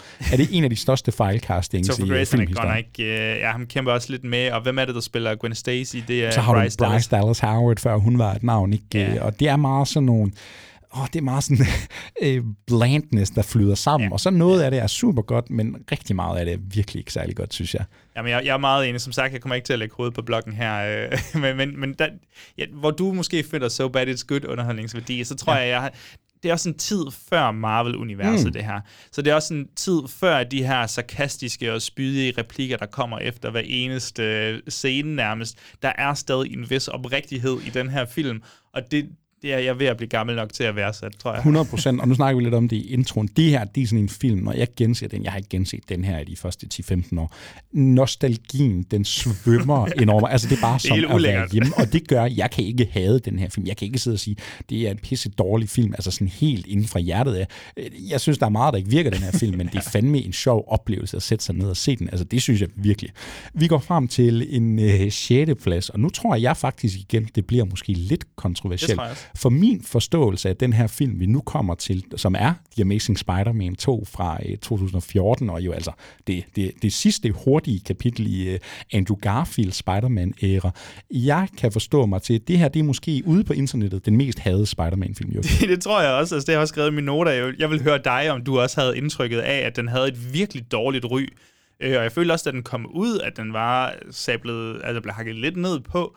Men, øh, men jeg føler virkelig, at den er blevet hadet rundt omkring i, i, på internettets kroge siden da. Jeg havde den også, da jeg så den i biografen. Jeg synes, det var noget pis, og jeg synes, Jamie Foxx var så motherfucking dårlig, mand. Men dubstepen var for fed. Det var for sindssygt, bro. Det var måske det bedste i den, nej. Og så, øh, og jeg tror også, øh, Sony havde, øh, de skulle også bare have den her ud på en eller anden måde, at de godt mærke, at der var nogle små ting gal. De satsede på, at den, at den skulle have 130 millioner. Den skulle ligesom have et profit på 130 millioner. Øh, det blev den spået til, og den kom så ud med en profit på 20 millioner Åh. dollars. Øh, så så det, det er jo ikke... Øh. Der er en årsag til, at der ikke kom en Spider-Man, The Amazing Spider-Man 3 bagefter her. Nu, nu putter jeg dig bare sådan on the spot. Har du læst dig til noget sådan, altså hvad er det, der sker mellem den første The Amazing Spider-Man og The Amazing Spider-Man 2? For jeg kan huske, at der var et helt masse historier om både sådan lidt øh, produktionsvanskeligheder, altså der, det er især øh, Mark Webb, instruktøren, jeg mener, han har nogle episoder, eller der begynder sådan at komme rygter om, er han manden, der kan styre den her store superheltebutik? Og det er jo også en film, hvor der var en masse, men omskød en masse scener, der er jo, øh, er det en Shailene Woodley, der skulle spille Mary Jane, hun øh, bliver decideret sådan øh, kottet ud af Ja. filmen, ikke? Og du kan høre Andrew Garfield, når han fortæller om det, hvor det sådan, der var sgu ikke rigtig nogen, der sådan lige havde en fornemmelse af, hvad skulle den her film være? Det var bare sindssygt mange, og den her, den laver jo også en Spider-Man 3, ikke? Altså, vi har både Electro, og vi får en Green Goblin, og den prøver at sætte noget Sinister Six op. Præcis, Altså, der sker virkelig også meget den her. Alle skal have nogle akter igen, og så ender den bare sådan lidt med at æde sig selv, men der er kvalitet at finde, eller hvad? Ja, men igen, så tror jeg meget, det handler om, at vi er på samme niveau som Spider-Man 3 på en eller anden måde. Altså, der, der, der er en underholdningsværdi i den her, fordi den bliver lidt... Jeg tror, du sagde det så fint, i, vi refererer hele tiden til i går, hvor vi er sammen. Du sagde det så fint i går, at den, den føles også mere tegneserieagtig, den her. Den føles sådan lidt stor. Det er som om, at Jamie Foxx's præstation, som jeg ikke brød mig om, da jeg så den første gang, den, det er som om, han prøver at, at lave noget storladent her. Sådan noget, sådan noget overdrevet melodramatisk ja. nærmest. Et- han er et- blevet forrådt. Jamen præcis, og et kritikpunkt, vi sådan faktisk har snakket om med, med generelt mange film på det seneste, det er den der sådan, der er ved at være sådan en, øh, sådan en det, det, det er helt vildt svært at fornemme, om en film er selvbevidst i, hvad den egentlig vil være, eller prøver ja. at være, eller er det bare, ender du med en Halloween Kills, eller hvad fanden er det derfor? Øh, og der synes jeg netop Spider-Man 2, jeg synes, den har en fornemmelse af, at den i hvert fald prøver at være sådan den her kæmpe comic book øh, film, øh, altså virkelig taget ud af tegneseriehæft, ikke? Nu har vi jo Gwen Stacy introduceret. Jeg tænker godt, vi kan spoil, hvad der sker i den her film, ikke? Ja, ja, den det er slutter jo med, at Gwen Ja. Stacy dør. Det kan jeg huske, da jeg så i biografen. Jeg synes, det var ret vildt. Tænk, at de turde og gør det, og det er jo en af de mest ikoniske sådan, øh, øjeblikke i nogen tegneserie nærmest. Øh, og, Og så har du så fået hele slutningen. Det føles jo permanent, fordi der jo ikke er kommet en Ja. ja. film efter det. Ja. Nu har vi så fået No Way Home, hvor der kommer lidt en krølle på, hvad der sker i Andrew Garfield-universet. ja, det har jeg fuldstændig svækket. Kommer der ikke, det bliver ikke snakket om? Jo, om lidt det, jo, jeg tror, han har haft det lidt hårdt eller et eller andet. Nå, men altså. du ved, det, jeg føler, at jeg kan huske fra No Way Home, at, øh, at der er et klip, hvor han redder Zendaya, han redder en eller anden fra at, at dø på Ja, samme det måde som Stacy. ja. Så han får sin lille krølle. Ja, han får selvfølgelig sin- svigter ikke i den her. Og jeg sådan på en eller anden måde, det vil jeg ikke have set. Jeg vil gerne have, have haft, at Andrew Ja. Garfield, Peter Parker, ja. bare er gået og har han kunne ikke redde Ja, sin kærlighed. præcis. Shit, hvor føles det sindssygt. Og jeg, og jeg synes også bare, måden den sådan ser ud på, den er sådan oversatureret. Alle farver, altså Spider-Man så blå. Den er, ja, ja, Electro er så blå. Spider-Man er så rød. Øh, alt er bare sådan mega overdrevet og popper ud i ansigtet på dig. Og så synes jeg jo, altså når den har problemer, så er det meget de der Spider-Man 3 problemer. Ikke? Så har du en Dandy Han. Jeg ved ikke, hvad fanden han prøver på i den her film, som sådan en, nu er han jo emo, øh, Harry Osborn-typen, ikke? Og øh, prøver at lave sin. Nå, bedste ja, nå, ja, ja, ja. Altså, han er så rar den her film. Paul Giamatti Ja, han er kommer, han kommer ind som Rhino og sådan noget. Altså, det, er sådan, det er en kæmpe film, der vil alt, alt, alt for meget. Men jeg synes, i brudstykker, og jeg genså den her film, jeg var rædselslagen for at gense den, for jeg vidste, hvor meget internettet har sagt, Mikkel, det her er en dårlig film, og hvorfor kunne du overhovedet lide den, dengang du så den i Ja, ja, ja. biografen? Hvad, og det er sådan en, du ved, der er nogle film i dit liv, sådan, hvad var det, jeg ikke så, som alle andre så? Jeg må bare sige, på mit gensyn her, jeg synes altså, det er en ret underholdende film. Jeg synes også, det er en ret underholdende film. Jeg tror, kan jeg slippe afsted med at sige, at jeg synes egentlig, du ved, jeg ved ikke, om det er specifikt klimakset, eller hvad det er, men der, hvor der går virkelig elektro og musikken i det og sådan noget. Der, det, men er det decideret? Der er et eller andet, hvor han sådan sætter gang i... øh, Det er jo Pharrell, der har været inde over soundtrack, og så er det, tror jeg, er det Hans Zimmer eller John Ja, ja, det- XL det eller sådan noget. Zimmer, ja. Så er der jo den der scene, de har det store klimaks ude ved det der Ja, ja, øh, el elmaster eller sådan noget, og dem står Elektro skyder på, og så spiller han, så lyder det jo decideret, som om det er sådan en Mm-hmm. klaver eller sådan noget, men så er der lagt sådan noget dubstep-agtigt, whatever the fuck. Altså, det er kunne, ikke, fuldstændig jeg, kunne ikke lade være med, jeg kan i hvert fald sige sådan her, jeg, kan ikke, jeg kunne ikke lade være med at smile, da det skete. Nej, præcis. øh, og så skal vi også bare lige nævne, der er jo også det der element, øh, der er også et eller andet med øh, Peter Parkers og Gwen Stacy's romance her. Har du tænkt over, hvor creepy han er i den her film? Nå, hvad tænker du? Han, bare sådan, han sidder bare sådan op på tagene og holder øje med, altså de går jo fra hinanden, Ja, ja, den ja. og han holder bare øje med, og så, kommer, så er der en scene, hvor de sådan er ved at blive venner igen, de skal genfinde, sådan, sådan, så siger han sådan noget, Nå, men du var jo også derovre den anden dag, så sådan, hvordan ved du det? Ja, det er faktisk lidt... Jamen, jeg har holdt lidt øje med dig. Hvor, hvor længe har det gjort det? Jamen, det har gjort ret lang tid. Og så bliver det sådan spillet, som om det er det er sådan lidt Twilight og ja. følelsen af, at det her det er lidt ikke. Jeg synes til gengæld, at deres kemi er langt bedre i den her. Ja, meget bedre. Og de er jo også, de ender jo med at blive kærester i virkeligheden, ikke? Så det, Det kan skal man altså jo også. Det, det skal man. Eller- Det- eller det var Tobey To- Tobey Maguire og Kirsten Dunst, det, det tror jeg faktisk ikke, de gjorde. Hvis han tog. Kirsten Dunst, så er der noget helt galt. Som, som, øh, som ung knight, så tror jeg kun, jeg har forestillet mig, at Kirsten- Dunst var min kæreste. Ja, selvfølgelig. Skal vi ikke uh, snakke om vores uh, femte plads her? Nu tager vi altså en film, der hedder øh, Spider-Man Homecoming fra 2017, hvis jeg ikke tager helt fejl. Nu skal Spider-Man ind i MCU-æraen. Vi har fået ham introduceret året før i uh, Captain America Civil War. Hele internettet eksploderede, da vi ser uh, Tom Holland i sit Spider-Man-kostyme, vel at mærke, lige komme ind til sidst i traileren og sige, hey everybody, eller han, han, kaster, han griber Captain America's skjold endda, tror jeg, eller sådan noget. Nu er Spider-Man motherfucking ankommet to the Præcis. MCU. Han er jo, det er jo en homecoming. Det er jo en He's back, baby. He's back, baby. Hjemme, hvor han hører til. Jeg synes jo, historien om, hvordan øh, han ligesom ender der, er sådan på sin vis fantastisk, fordi, fordi øhm, hvad hedder hun, Amy Pascal, hun, hun kæmper jo, for helvede, hun kæmper med det her øh, Spider-Man, den her IP, som virkelig bare er DNA'et i, øh, i Sony de, øh, i, fra 2000 af cirka. Øhm, Spider-Man 2 er jo, eller The Amazing Spider-Man 2 er jo bare rædderlig, tjener ikke en skid, som jeg nævnte lige før. Hun famlede nærmest i blinden her, og var sådan, og jamen, øhm, øh, jeg, jeg vil lave en uh, Spider The Amazing Spider-Man 3, selvfølgelig vil jeg det, og en uh, Sinister Six, uh, instrueret af Drew Goddard. Har du Ja. læst om det? Ja, ja, som ja, ja. skulle foregå i dinosaurtid, og der var kæmpe store planer, men det er jo Ja. så også på det her tidspunkt, at der kommer en lækage i Sony, hvor at der er små mails, der indikerer, at der måske kunne være et overlag, altså pynser de på at sælge Spider-Man-rettighederne til Marvel, eller i hvert fald bare lave en crossover. Ja. Og her går internettet jo amok. Ja, og, og man skal ikke undervurdere, hvor meget det her det fylder i, øh, sådan, altså, i filmsnakken, ikke? fordi der har jo, ved det jo, altså Iron Man, på det her tidspunkt, hvor Homecoming kommer, ikke? der har øh, MCU været i gang i hvad, ni år, må det være, og det eneste folk nærmest snakker om, det er, hvornår kommer Spider-Man og X-Men og Fantastic Four, men især Spider-Man, hvornår får vi ham ikke? Så man har jo riget frem og tilbage i de her tråde for ligesom at finde en eller anden aftale, der, hvor det kunne lade sig gøre. Og det har så lavet sig gøre. Jeg tror, det, jeg tror lidt, hun skulle bejles til, Pascal, ja. En god historie med, at det første pitchmøde, Feige havde øh, med hende, der var han sådan, jeg vil gerne hjælpe dig med at lave det til et franchise. Og der var hun bare sådan, hun kastede sin, angiveligt sådan lidt spøgefuldt sin sandwich i hovedet på ham og sagde, get the fuck out of here. og så tror jeg, at øh, anden pitchmøde, og de senere pitchmøder, der var hun sådan, ja, lad os se, om vi kan finde ud af noget. Fordi nu er der jo alt muligt med nogle rettigheder. De tjener penge i billetterne, Marvel får merchandise, et eller andet. Ja. Er, der ikke, er der ikke noget i den stil? Og, Jeg er sikker på, at der ryger nogle penge ned i Amy og Kevins øh, stød. Ja, jeg tror, jeg tror til gengæld sådan tesen, eller hvad skal man sige, den tematiske, eller inspirationskilderne er måske et bedre ord, at det skulle være sådan lidt mere John Hughes-agtig ja. High school følelse mellem de her unge mennesker, Tom Holland og Zendaya, hvad det. Ja, og lad os måske øh, skrue lidt ned for øh, Spider-Man, som ham, der skal kæmpe mod de helt store superskurke. Ikke? Altså, lad os prøve at gøre ham lidt mere til The Friendly Neighborhood Spider-Man. Lad os Præcis. kaste en lidt yngre skuespiller. Ikke? Lad os ramme den der coming of age element. Lad os ramme den der ungdommelighed og kajtethed med en fyr. Jamen lige så meget som han skal navigere i at være Spider-Man, endnu mere skal han navigere i at være high school student og øh, passe sin, øh, sin tante, ikke? Og øh, passe sine venner og prøve at finde kærligheden og alt Vi det her. starter efter Onkel Ben er død her, og Ja, nu slipper vi altså for Præcis. Ben. Så der bliver faktisk truffet ret mange sådan solide valg.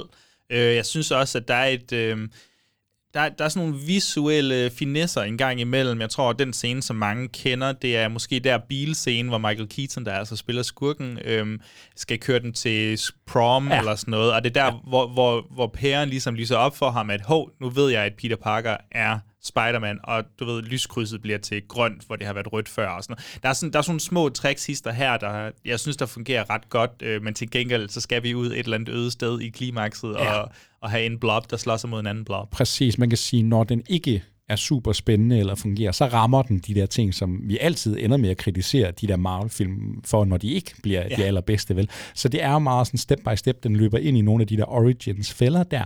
Men jeg synes, noget, der er en kæmpe styrke for, dem her, øh, for den her film, det er især øh, manuskriptforfatterne øh, John Francis Daly og Jonathan Goldstein. Ikke?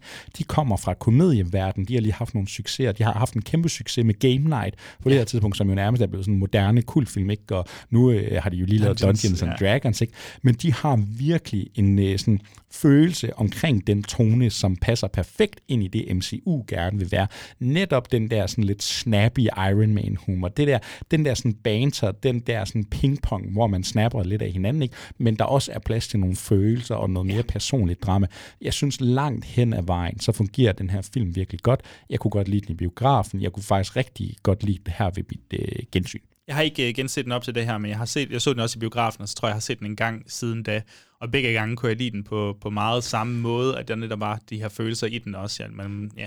Men hvad synes du, øh, hvad synes du om Tom Holland? Ikke? Altså, fordi du har haft Tobey Maguire, som for mange, nok også den dag i dag i hvert fald, og ja. også der er lidt ældre og måske har vokset mere op med den generation, han er Spider-Man. Så har du haft Andrew Garfield, han ligger sådan lidt imellem, ikke? der kan man sige, hvad man vil.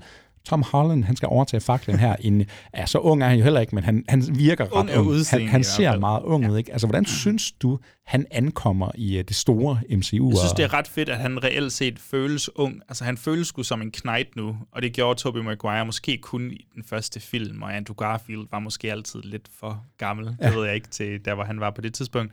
Men Tom Holland virker både sådan lidt lav og, og ungdomlig af det, og så øh, hvis Spider-Man absolut skal være sådan ultra snappy og spydig og sarkastisk, så synes jeg, det skal være på den her måde, hvor man også kan mærke en lille bitte usikker, usikkerhed ja. i ham, når han så ikke er Spider-Man. Og Præcis. Ja, der, der, er et, eller andet- der er og, noget... og hvis vi lige skal sammenligne for eksempel med uh, The Amazing Spider-Man 2 og Spider-Man 3, jeg synes, det er så fedt. Ja, et er selvfølgelig, du har Michael Keaton i sig selv, men jeg synes, det er fedt at bruge Vulture. Og så har du jo faktisk også lidt nogle små øh, skurke, sådan en Shocker, og der er vist også en, der bliver sat op til at være Scorpio og sådan noget. Men de, de er meget vagt, ikke? det er mere antydet, end det er netop det der, nu skal, øh, nu skal alle have sine akter, vi skal se dem blive til de her superskurke, så ender det med den her film, der vil alt, alt, alt for meget, og den går, begår heller ikke den der øh, Batman-fælde, hvor når, det skal jo være Jokeren, ikke? Altså, den fyrer ikke alle sine kanoner, det er ikke Green Goblin, det er ikke øh, Dr. Octopus eller noget, det er nå, men Vulture, altså ham har vi ikke set før. En Det er noget nyt, de prøver Præcis, noget nyt. det synes jeg virkelig, den, øh, det gør sig virkelig Men godt den vil den stadig gerne sætte lidt op hister her, og jeg tror bestemt også, der, er planer, der var planer om en Sinister Six og whatever. Ja. Det synes jeg også godt lidt, man kan mærke. Vi øh, holder lige en pause her, og nu begynder vi altså at bevæge os ind i vores øh, top 4. I've seen you around, right? I mean, I mean, somewhere we've uh, have we ever? Because of even the voice. Uh, Um, he does academic decathlon with me, uh, and he's at my party. Ah. It was a great party. Really great. Yeah. Beautiful house. A lot of windows. Great. You were there for like two seconds. That was I was there longer than two seconds. You disappeared. No, no, I did not disappear. Yes, you did. You disappeared like you always do, like you did in DC too.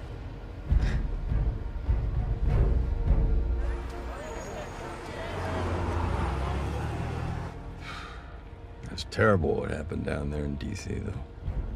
Were you scared?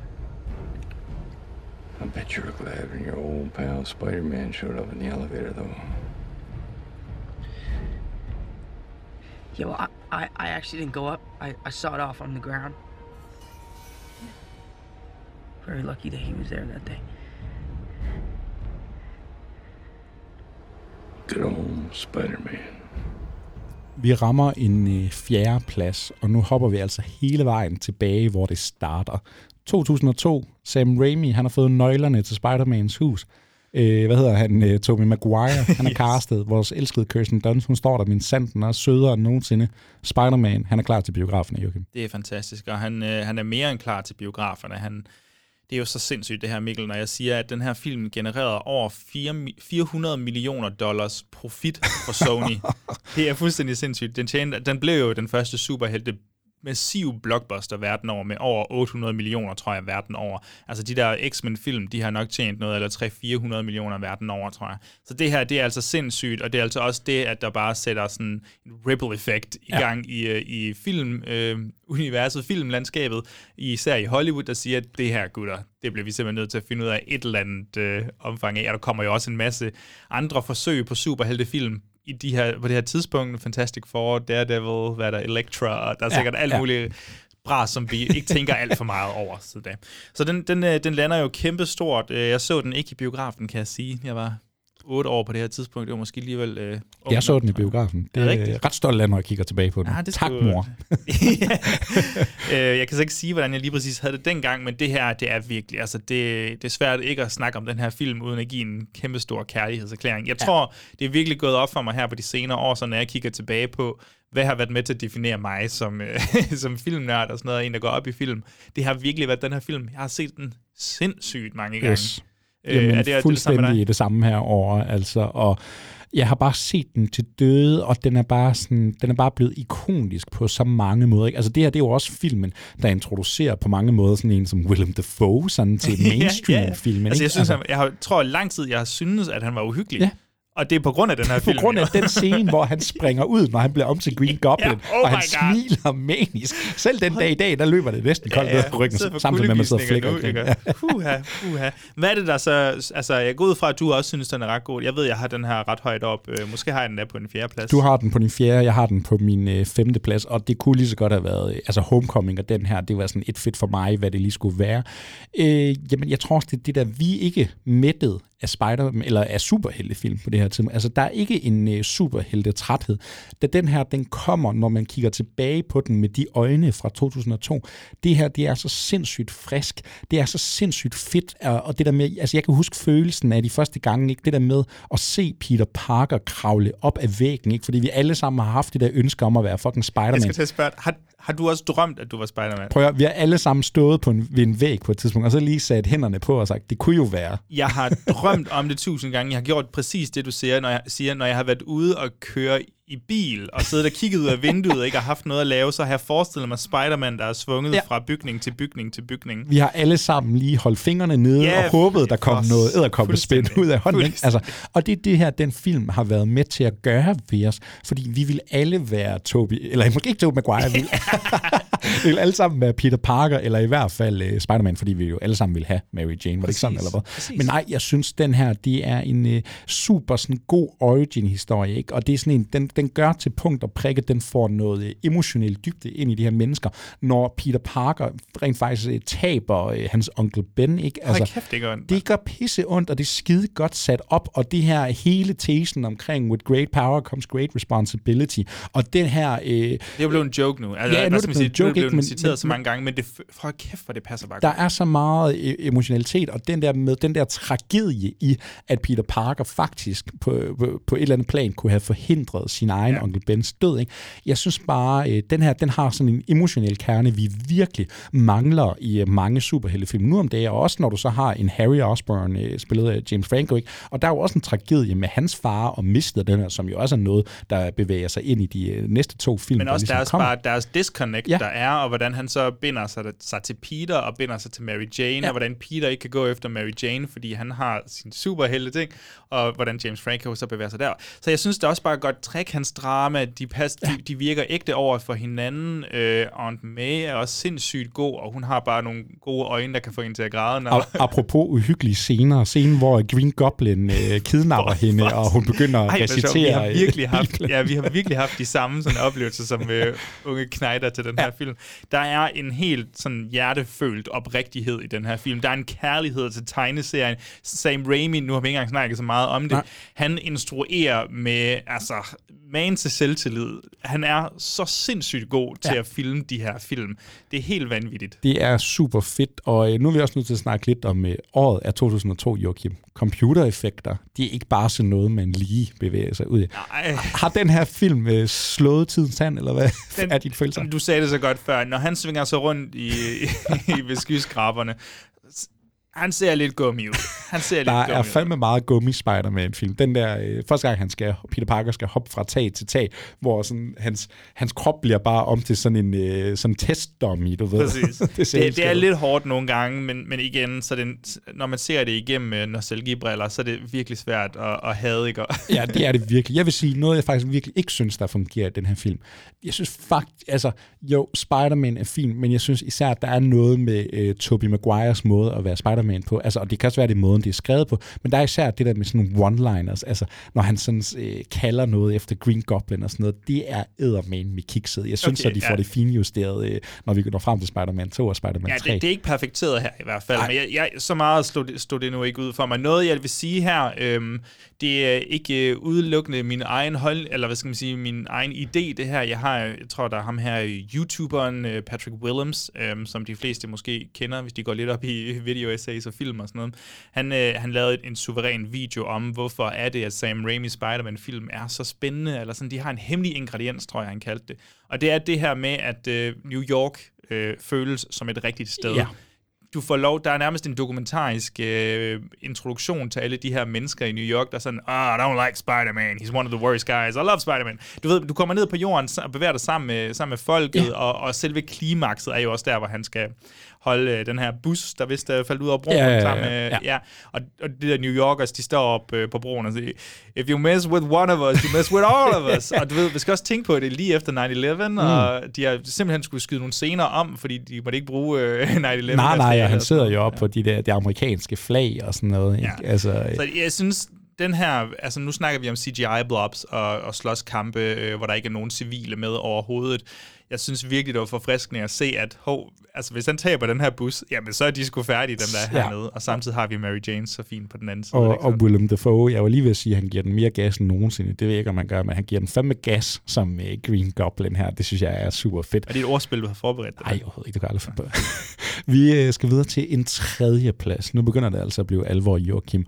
Og øh, lytterne derude, kender man sin Spider-Man, så vil man jo øh, begynde at fornemme, at der er nogle animationsfilm, der ligger og gemmer sig heroppe i præcis. toppen. For vi skal altså på vores tredje plads frem til 2018. Øh, der sker noget med Spider-Man her. Han skal skulle øh, være animeret nu til det store lærred. Spider-Man Into the Spider-Verse. Altså den første Spider-Man i den her nye animerede trilogi. Yes. Det var, øh, den var altså god nok til en tredje plads, Joachim.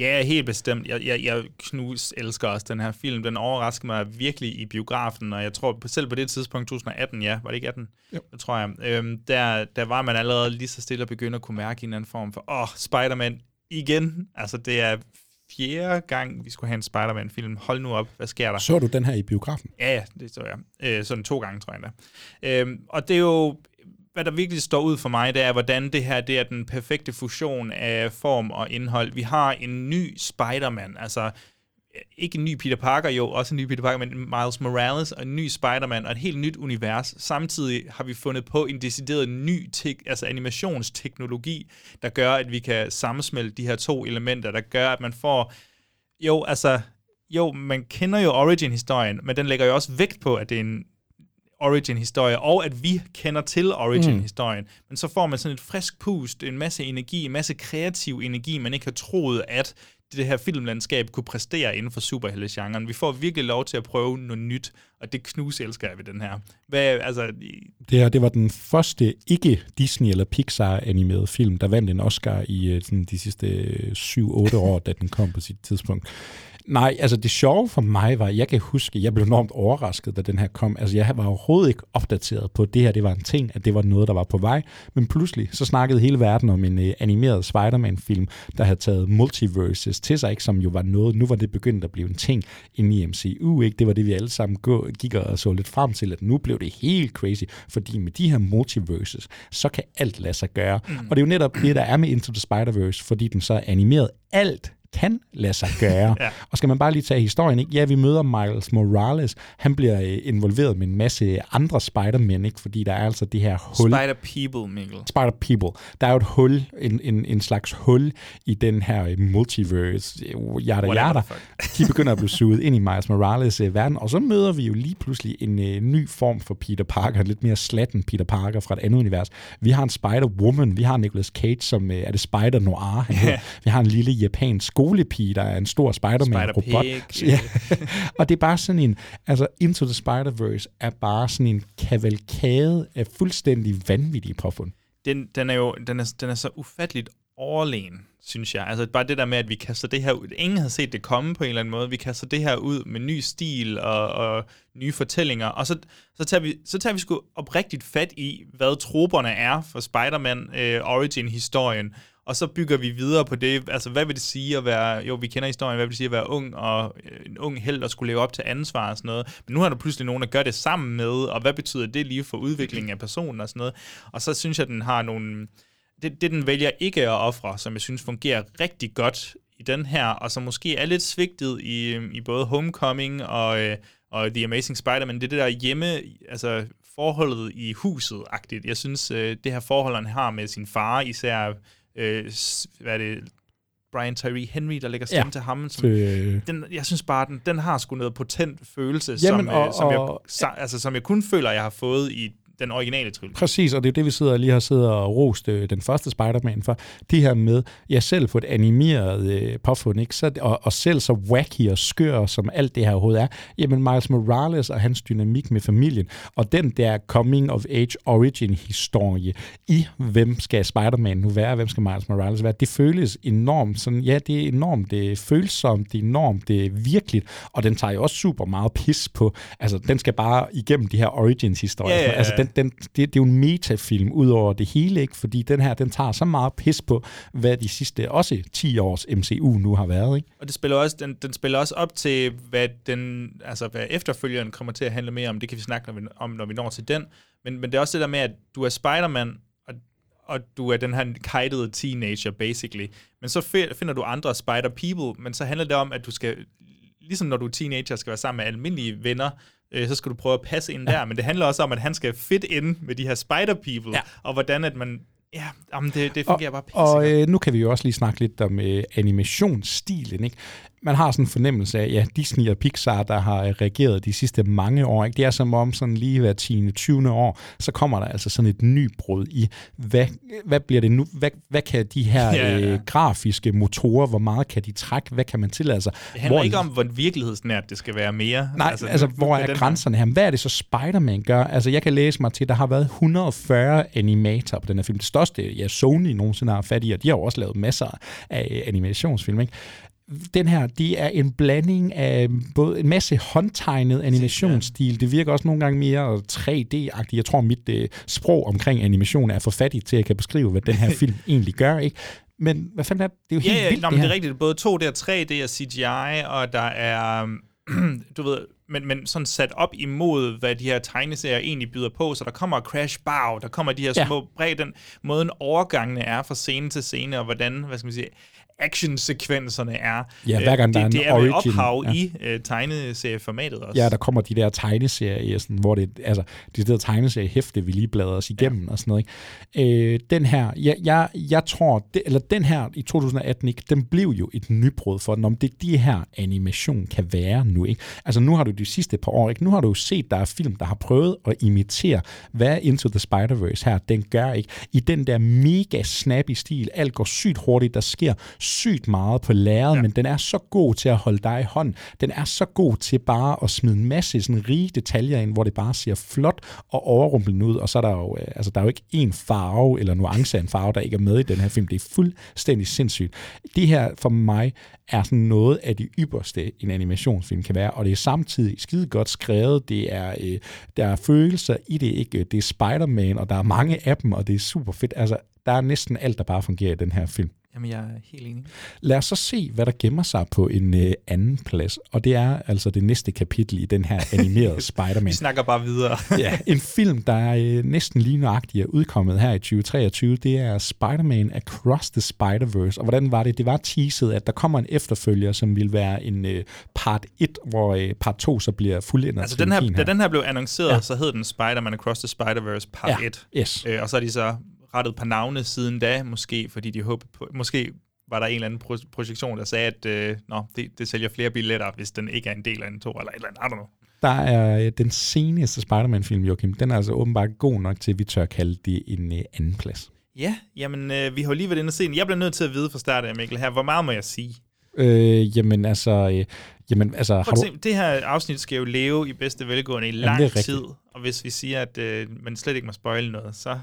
Prøv at høre, hvis, okay, hvis man ikke har set Across the Spider-Verse, så øh, pauser man podcasten nu, hvis man ikke vil spoiles, og så hopper man, jeg tænker måske, vi kan smide et speak ind eller noget, eller så hopper man i hvert fald fem minutter frem. Og så holder vi lige en lille pause her. Nu tror Joachim jo godt nok med at spoile hele Across the Spider-Verse, men sandheden er egentlig, at i vores snak, jamen så afslører vi ikke noget, du ikke allerede har set i trailers, eller lært fra Into the Spider-Verse, så du burde altså roligt kunne lytte med her. Selvfølgelig vil du gå helt rent ind til Across the Spider-Verse, er du ikke kommet afsted i biografen endnu, jamen så skal du spole cirka 7 minutter frem, så øh, slutter vores samtale om den nye film her. Fortsat god fornøjelse med at lytte til vores Spider-Man-episode. Giv den gas, Joachim. Giv den gas, okay. øhm, ja, det er ikke, fordi jeg vil spoil det nu, men øh, bare Den så her jeg- person dør, bare så den her kan person føle dør. det, det er sådan lidt mere løslup med ja. måde, vi snakker om det på. Jamen, øh, vi får en efterfølger her, he, fem hele år efter øh, øh, den etteren kom ud.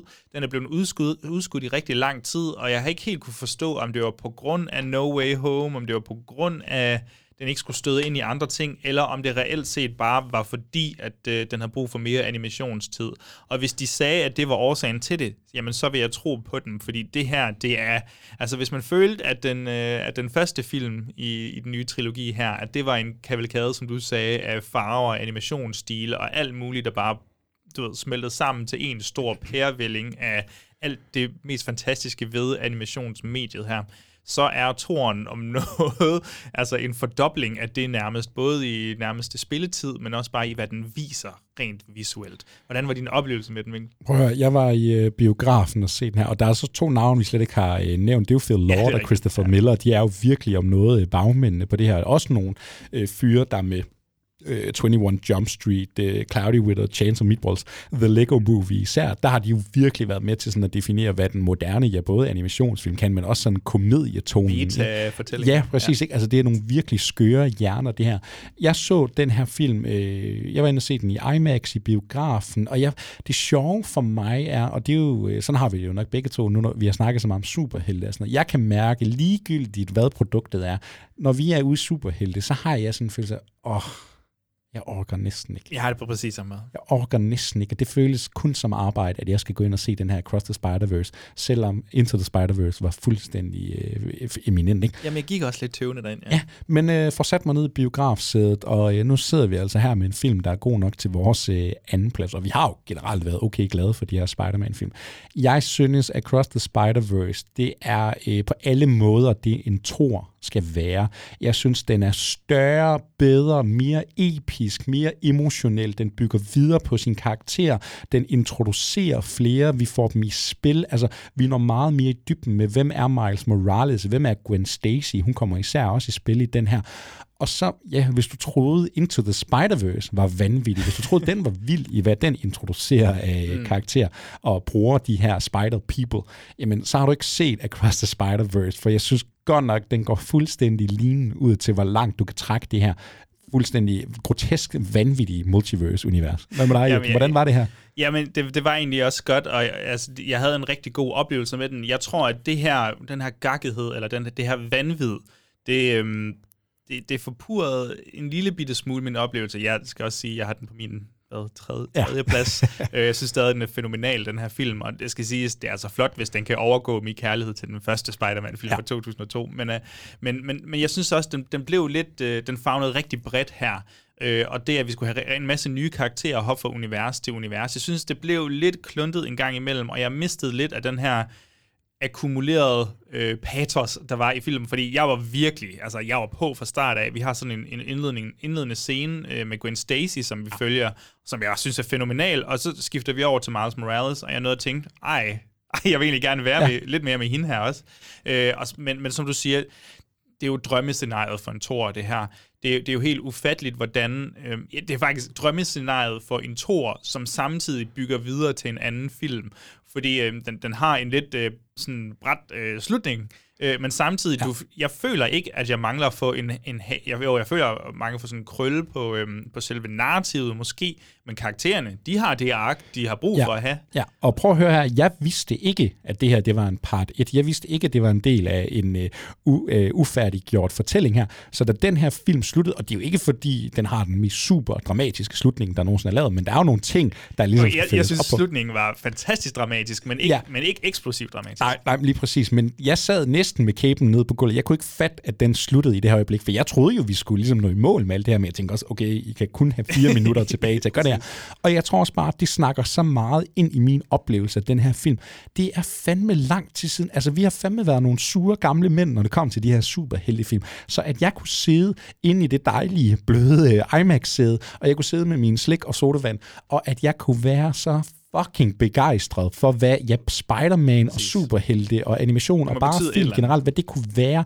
Altså, det slog benene væk under på mig. Jeg grinede, og der var øh, blanke øjne, og øh, alle, der var eufori i luften. Altså, nu så jeg det næsten i en udsolgt sal, ikke? Og du kunne bare mærke kærligheden til det her produkt. og jeg er også bare nødt til at sige, hvis vi sammenligner, jeg ved godt, det er lidt unfair, når du har to forskellige medier, men sammenlign den her film, og også Into the Spider-Verse, med hvad No Way Home er. Ja, jamen, Grænserne for det her multiverse. Kevin Feige, han må da ligge søvnløs og med tanken om, at det er det her, han på sin vis skal konkurrere med.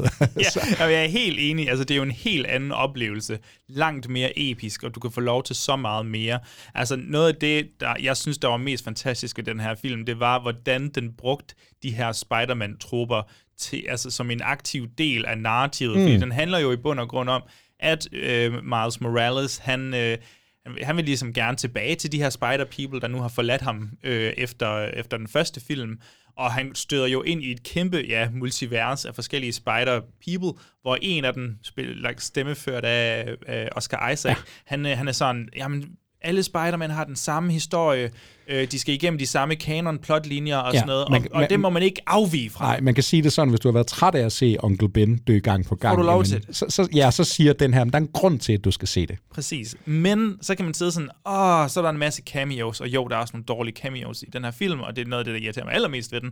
Øh, men, men samtidig så bruges det som en aktiv del, fordi nu har vi altså Miles Morales, som i første film forsøgt at passe ind sammen med de her nye Spider-People, hans nye venner. Ja. Øh, han prøver at danne en eller anden gruppe der. Nu er han så nået til et punkt, hvor jamen, han vil gerne afvige fra dem, og det fungerer bare så pissegodt, fordi vi samtidig har den her dynamik og problematik, der er i hjemmet, øh, som vi snakkede om før. Ja, jamen, den, den der dybe, den, altså kerne, den emotionelle kerne, den er så intakt, og den får lov til hele tiden at være det dramaet centrerer sig om, selvom vi er i andre dimensioner, og skøre Spider-Man dukker op og alt det her. Også det der med, den, den har jo, jo, den har en skurk, det ved jeg godt, men den har jo ikke en skurk, skurk den har jo ikke Green Goblin skurken, Mm. der kigger ham i øjnene og siger bla bla bla. Nå, men det er meget større, det der er på spil her. Ikke? Altså, det, er sådan, det, det er det hele, der er på spil, ja. og det synes jeg, at den rammer så skide godt, og jeg synes også, altså prøv at, der, jeg tror ikke, der er nogen af os, der har læst en hel hulens masse Spider-Man-tegneserier, og kan hele loren og karakterernes øh, udviklinger på ryggrad. Men det er bare den der fornemmelse af, prøv at høre, der sidder nogle mennesker her, der har læst alle Spider-Man-hæfter. de ved lige nøjagtigt, hvem de her karakterer og mennesker er. De ved lige nøjagtigt, hvad de kan, og hvad deres svagheder og styrker er. Og så er det bare som om, det har vi ligesom fået til at spille til nærmest perfektion hen over to timer og 10 minutter her. En, en sidste ting, jeg vil sige, det er vidderligt bare, at, øh, at musikken er også motherfucking fed, og betyder en kæmpe stor del af det her, især når vi kommer hen mod, ja nu siger jeg klimakset, men sådan slutscenen og cliffhangeren og sådan noget. Det, musikken spiller en eminent rolle, og jeg synes virkelig, altså jeg har lyttet, gået og lyttet til det i, i lang tid efter. Præcis. Og Jeg vil sige, når 2023 slutter, og hvis den her ikke ligger rigtig højt i mine sådan, uh, topfilm for året, Så har det været et rigtig godt Så har det været et sindssygt godt filmår, så bliver jeg meget, meget overrasket. Vi har kun én film tilbage. De fleste kan nok gætte sig frem til, hvad øh, vi har liggende på en førsteplads, men I øh, skal altså ikke snydes for en lille burger. Stop what you're doing and stop Spider-Man. You? Wait, you? On your Michael, Miles, Miles Morales. He's entering Sector 4. Do I uh have web on my face? What's the deal? Miles, he's right there. He's right. Turn around. I don't see anything, boss. Hvad tror du, der ligger på førstepladsen? Jeg er ret sikker på, at Spider-Man 2 ligger på førstepladsen. Havde, så du havde ikke den på din første? Jeg, prøver, jeg, jeg var nødt til at gøre det. Jeg smed sgu Across the Spider-Verse. Og What? så kan vi godt snakke om noget recency, bias og alt det her, og euforien er at gå ud i biografen. Ja. Men den her, den var, ja, den var bare alt, hvad jeg ville have, Spider-Man skulle være. Det okay. var Spider-Man 2, så til gengæld også her. In, øh, nu har vi snakket Spider-Man 2, altså, og vi snakker jo om Sam Raimi Spider-Man 2 her fra øh, 2004 øh, hvis Spider-Man 1 og Spider-Man 3 har fyldt meget i mit liv, jamen så er der næsten ingen film, der har fyldt mere end Spider-Man 2. Jeg kan huske, at jeg så den her film i øh, biografen. Jeg tror, det er sådan en af de første gange, jeg har været sådan bare sted med min bror, hvor nu får I lov at gå i biografen. Jeg kan endda huske, at i klimakset, hvor øh, Doc Ock han har fanget Mary Jane, der kan jeg huske, projektoren den gik i stykker. Så, så folk de var fuldstændig paniske, og vi var nødt til at vente i 20 minutter, før vi kunne sætte filmen i gang igen. Så det var sådan meget abrupt for det her klimaks. Men Joachim, den her film var så god, at selvom du slukker den i 10 minutter i øh, det højeste, det højeste på det emotionelle klimaks her, så leverer den altså stadigvæk. Fordi det her, det er uh, Sam Raimi, der viser sig som en af de bedste instruktører derude. Den er så underholdende. Han får lov til at lege gyserinstruktør, når uh, Doc Ock, han skal... Får lige nogle POV-skud, og han det er så hele. Altså, Willem Dafoe, måske lidt mere skræmmende på et andet plan, men den scene, hvor de her arme der, tentakelarmene der, de går helt amok. Ja. Hold kæft, det her. Men det her, den her film, det er genre-jonglering, eller sådan tone-jonglering på det ypperste. Hvordan du kan gå fra den ja, nørdede teenager, det her liv, han har, over til, til voksenlivet, kærlighedslivet, over til superheltelivet, og det ansvar, han ligesom har øh, på sig, og hans øh, hjemmeliv også. Altså, der er jo, mener det er i den her film, hvor der er scenen, hvor han ligesom fortæller til Aunt May, at øh, han, han, han kunne have reddet øh, Mm. Uncle Ben. Ja. Det er min skyld. Og så alle andre film, og det, det tror jeg, at alle andre superheltefilm, især fra Marvel, de vil måske bare have, så vil hun have lagt hånden på ham og så have sagt, det er okay, Peter. Men hun, hun vemmes lige et øjeblik ved ham, og han bare sådan, åh, oh, Ja. shit, det rammer mit hjerte. Og så græder jeg altid til slutningen af den her film. Altså, jeg har bare tårer løbende ned ad kinderne. Jeg synes, alt er bare sådan... Alt er bare på spil i den her film. Alt er på spil for Spider-Man, ikke? Ham og Mary Jane, der er Peter Parker, ikke? Altså, der er problemer i forholdet. Will they, won't they? Hvordan skal det her ja. ende? Øh, det er jo også den her film, hvor Peter Parker, han ligger, øh, han ligger Spider-Man på hylden, ikke? Altså, han bliver træt af at være Spider-Man. Han vil gerne være et normalt menneske, men vi ved jo alle sammen, Peter Parker og hans skæbne, fordi med de her kræfter, ikke? Så kommer det store ansvar, som Onkel Ben altid har sagt. Han kan kun være Spider-Man. Og det, og det er også det er nok første gang, jeg ser den der trope med, at øh, når man var superheld, mister sine superevner, og andre instanser, der, det, er jo ofte, så har de fået et eller andet skudt ind i sig, og så har de bare mistet, så har de fået en eller anden blokker for deres evne eller sådan noget. Men den her, den er bare så kodet ind i, hvem han er ja. som person, og, og så er det selvfølgelig, at han, får sine kræfter sådan endegyldigt igen, når det er hans kære Mary Jane, der er i, i ægte, ægte fare. Det synes jeg simpelthen, Og det er, det er bare, så billigt, men det er så øh, fantastisk. Det er det, og, men det, du ved, og så er der så mange fantastiske scener i den her film, som man kunne bare sådan isolere. Ikke?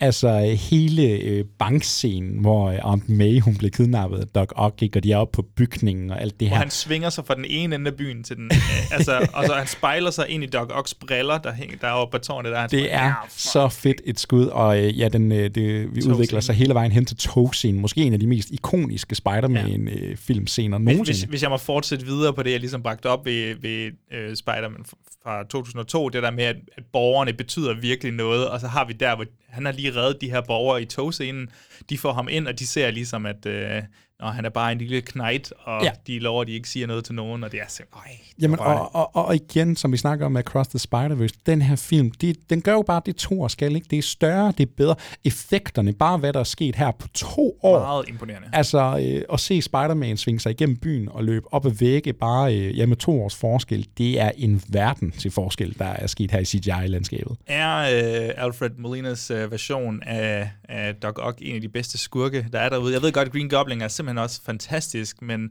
men, men han får, skurken her får jo også et fantastisk ark. Det der er med... Han offrer øh, sig selv. Ja, og det der er med Green Goblin og lad os sige Willem Dafoe-inkarnationen er, han, han er jo fra start af lidt off, ikke? Altså, der er jo næsten noget ondskab bare yeah. gennem i Willem Dafoes face. Alfred Molina som øh, Doc Ock her, jamen det er jo tragedien selv. Altså, det her det er en mand, hvis hjerne kortslutter, fordi han vil opnå greatness. Han vil Bogstaveligt talt, for at få tæt Bogstaveligt talt, og han vil opnå noget, der kan jamen, være med til at redde menneskeheden. I den her proces, så dør hans største kærlighed, det der betyder alt i hele verden for ham. Og det bliver jo så sådan et symbol på, øh, ja, nu skal jeg hævn over verden, ikke? Og øh, for helvede, altså. Men på samme tid, så jo, det er en god del af hans karakter, men, men Peter, de to skurke, vi har haft indtil videre, det er jo så Green Goblin og, og Doc Ock, men de, men de har jo også været de her videnskabsmænd, som Peter Parker ser op til. Så der er, der er allerede dannet et ret godt bånd mellem Præcis, dem det er det, inden. den giver sig tid til at opbygge deres relation, så der er også virkelig noget personligt på spil for Peter, fordi han kan virkelig godt lide den her mand. Det her er ikke bare en joker, der træder ind i byen og siger, jeg brænder det hele ned, vel? Altså, det, er det, det er virkelig et personligt drama. Også bare scenen, hvor øh, Peter Parker og Mary Jane, de skal prøve at øh, bearbejde deres relationer, ikke? Og så kommer bilen, der bliver smidt Ja, ind på dineren. fuck, Og også, jeg synes også, altså, og James Franco som Harry Osborn, jeg ved Jeg sgu hader ham ikke. Nej, jeg ved ikke helt, hvad man skal med, med ham i den her øh, trilogi, men jeg synes, øh, det er så fedt, når han sådan, nu begynder han at blive øh, opmærksom på, okay, der er noget i ham, der var noget med hans far, der er noget med Peter Parker, ikke? og han begynder at spille dem lidt ud mod hinanden, mm. Mary Jane og Peter Parker og sådan noget. Jeg synes bare, den her film, den, det, det, er det, den er sådan bare tilpas, den er ikke for stor, den er ikke for begrænset, den har bare sådan lige nøjagtigt hænderne om det, den kan håndtere, og det gør den bare fuldstændig eminent godt. Noget, vi slet ikke har nævnt, Joachim, det er øh, Danny Elfmans musik. Ja, det er rigtigt. Også fantastisk. Og, og, og sådan noget, jeg især som yngre ikke har kunnet finde ud af at værdsætte.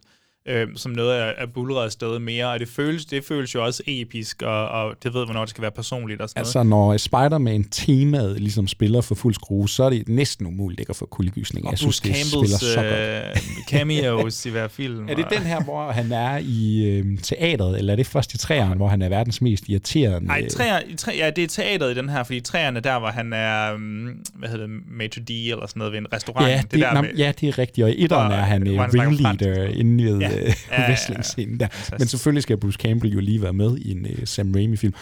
Joachim, vi kunne blive enige om, øh, at øh, Spider-Man 2, det er sgu den bedste Spider-Man-film, der er lavet. Ja, Og jeg det, kunne blive enig om det. og det er en film, der har været øh, ni, 19 år gammel den dag i dag. Shit, mand, vi må holde det, øh, vi vil lave et ekstra deep dive på den næste år, når den har 20 års jubilæum. Det bliver, se om vi kan få den vist i en eller anden biograf. Vi smider lige en breaker på, og så prøver vi lige at putte nogle konkluderende ord på den her rejse sammen med øh, Spider-Man.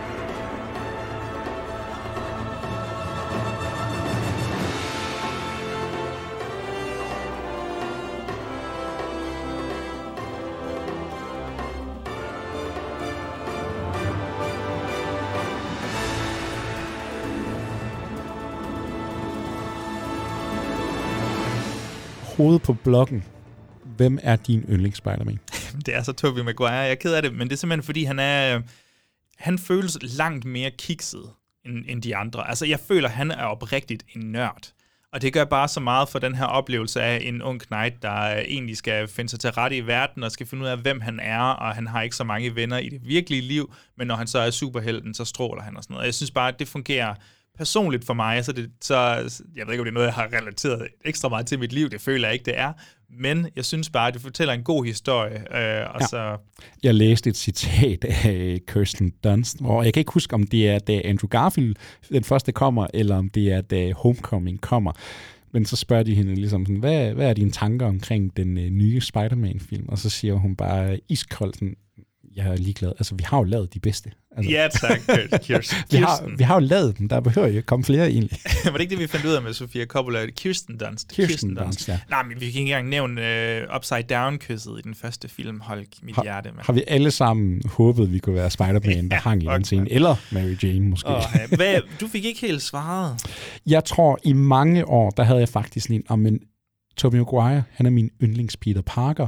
Tom Holland, Mm. han er min yndlings Spider-Man. Jeg synes, han, er, øh, han har de bedre one-liners. Han er bedre til at fange den der tone.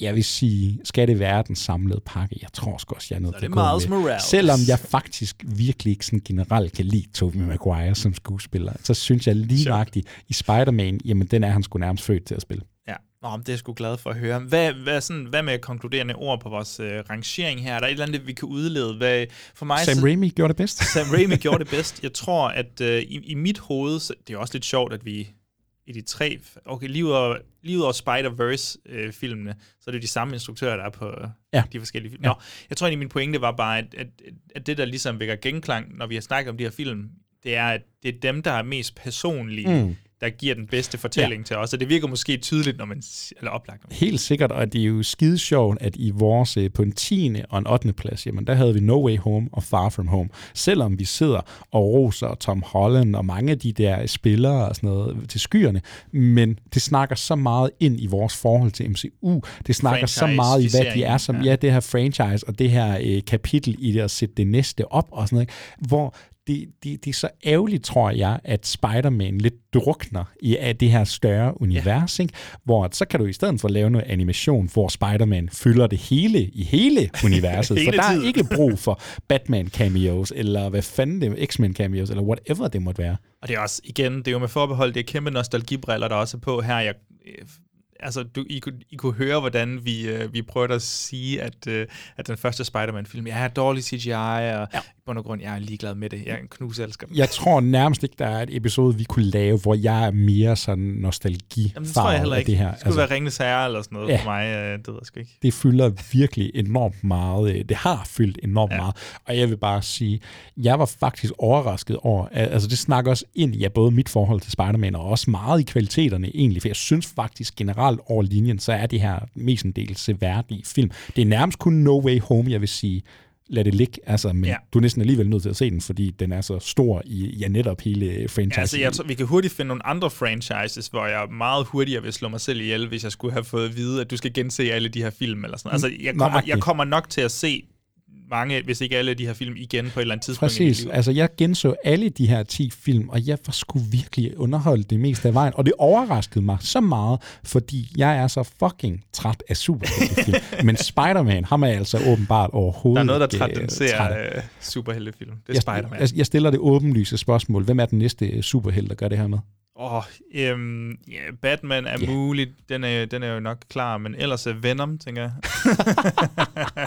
Det er en Bad Movie Club, eller hvad? det, det, det kunne simpelthen godt være. Ja, jeg tror, vi er nødt til at lave det her med Batman. Er, er vi ikke det? Jo, det... På et eller andet tidspunkt. Jo, jo, men det kan man jo godt. Vi, jeg kunne sige, at vi har også nogle andre rangering, rangeringer i, i planen sådan fremover, og jeg tror, vi tænker lidt på noget Nolan og sådan noget. Ja.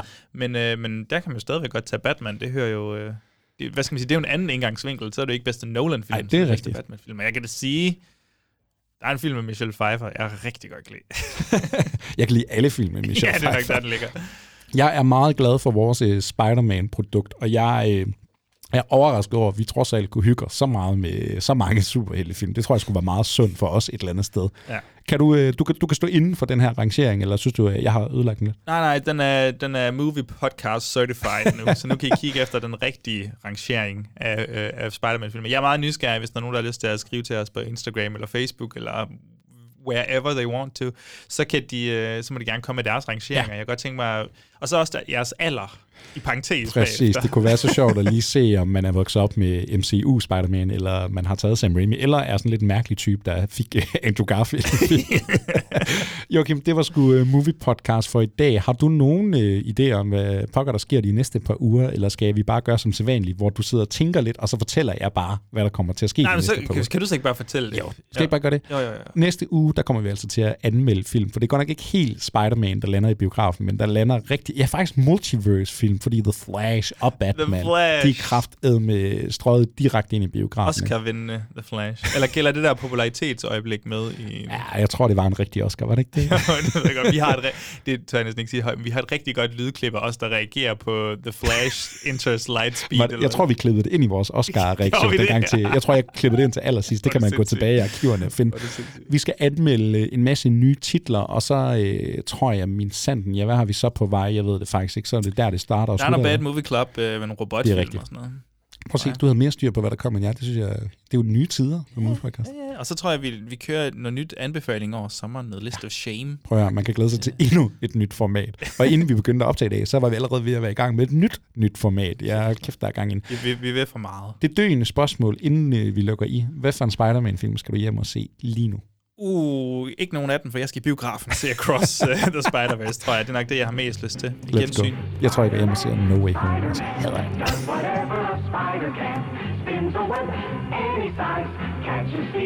just like flies. Look out! Here comes the Spider-Man. Is he strong? Lives in mud. He's got radioactive blood.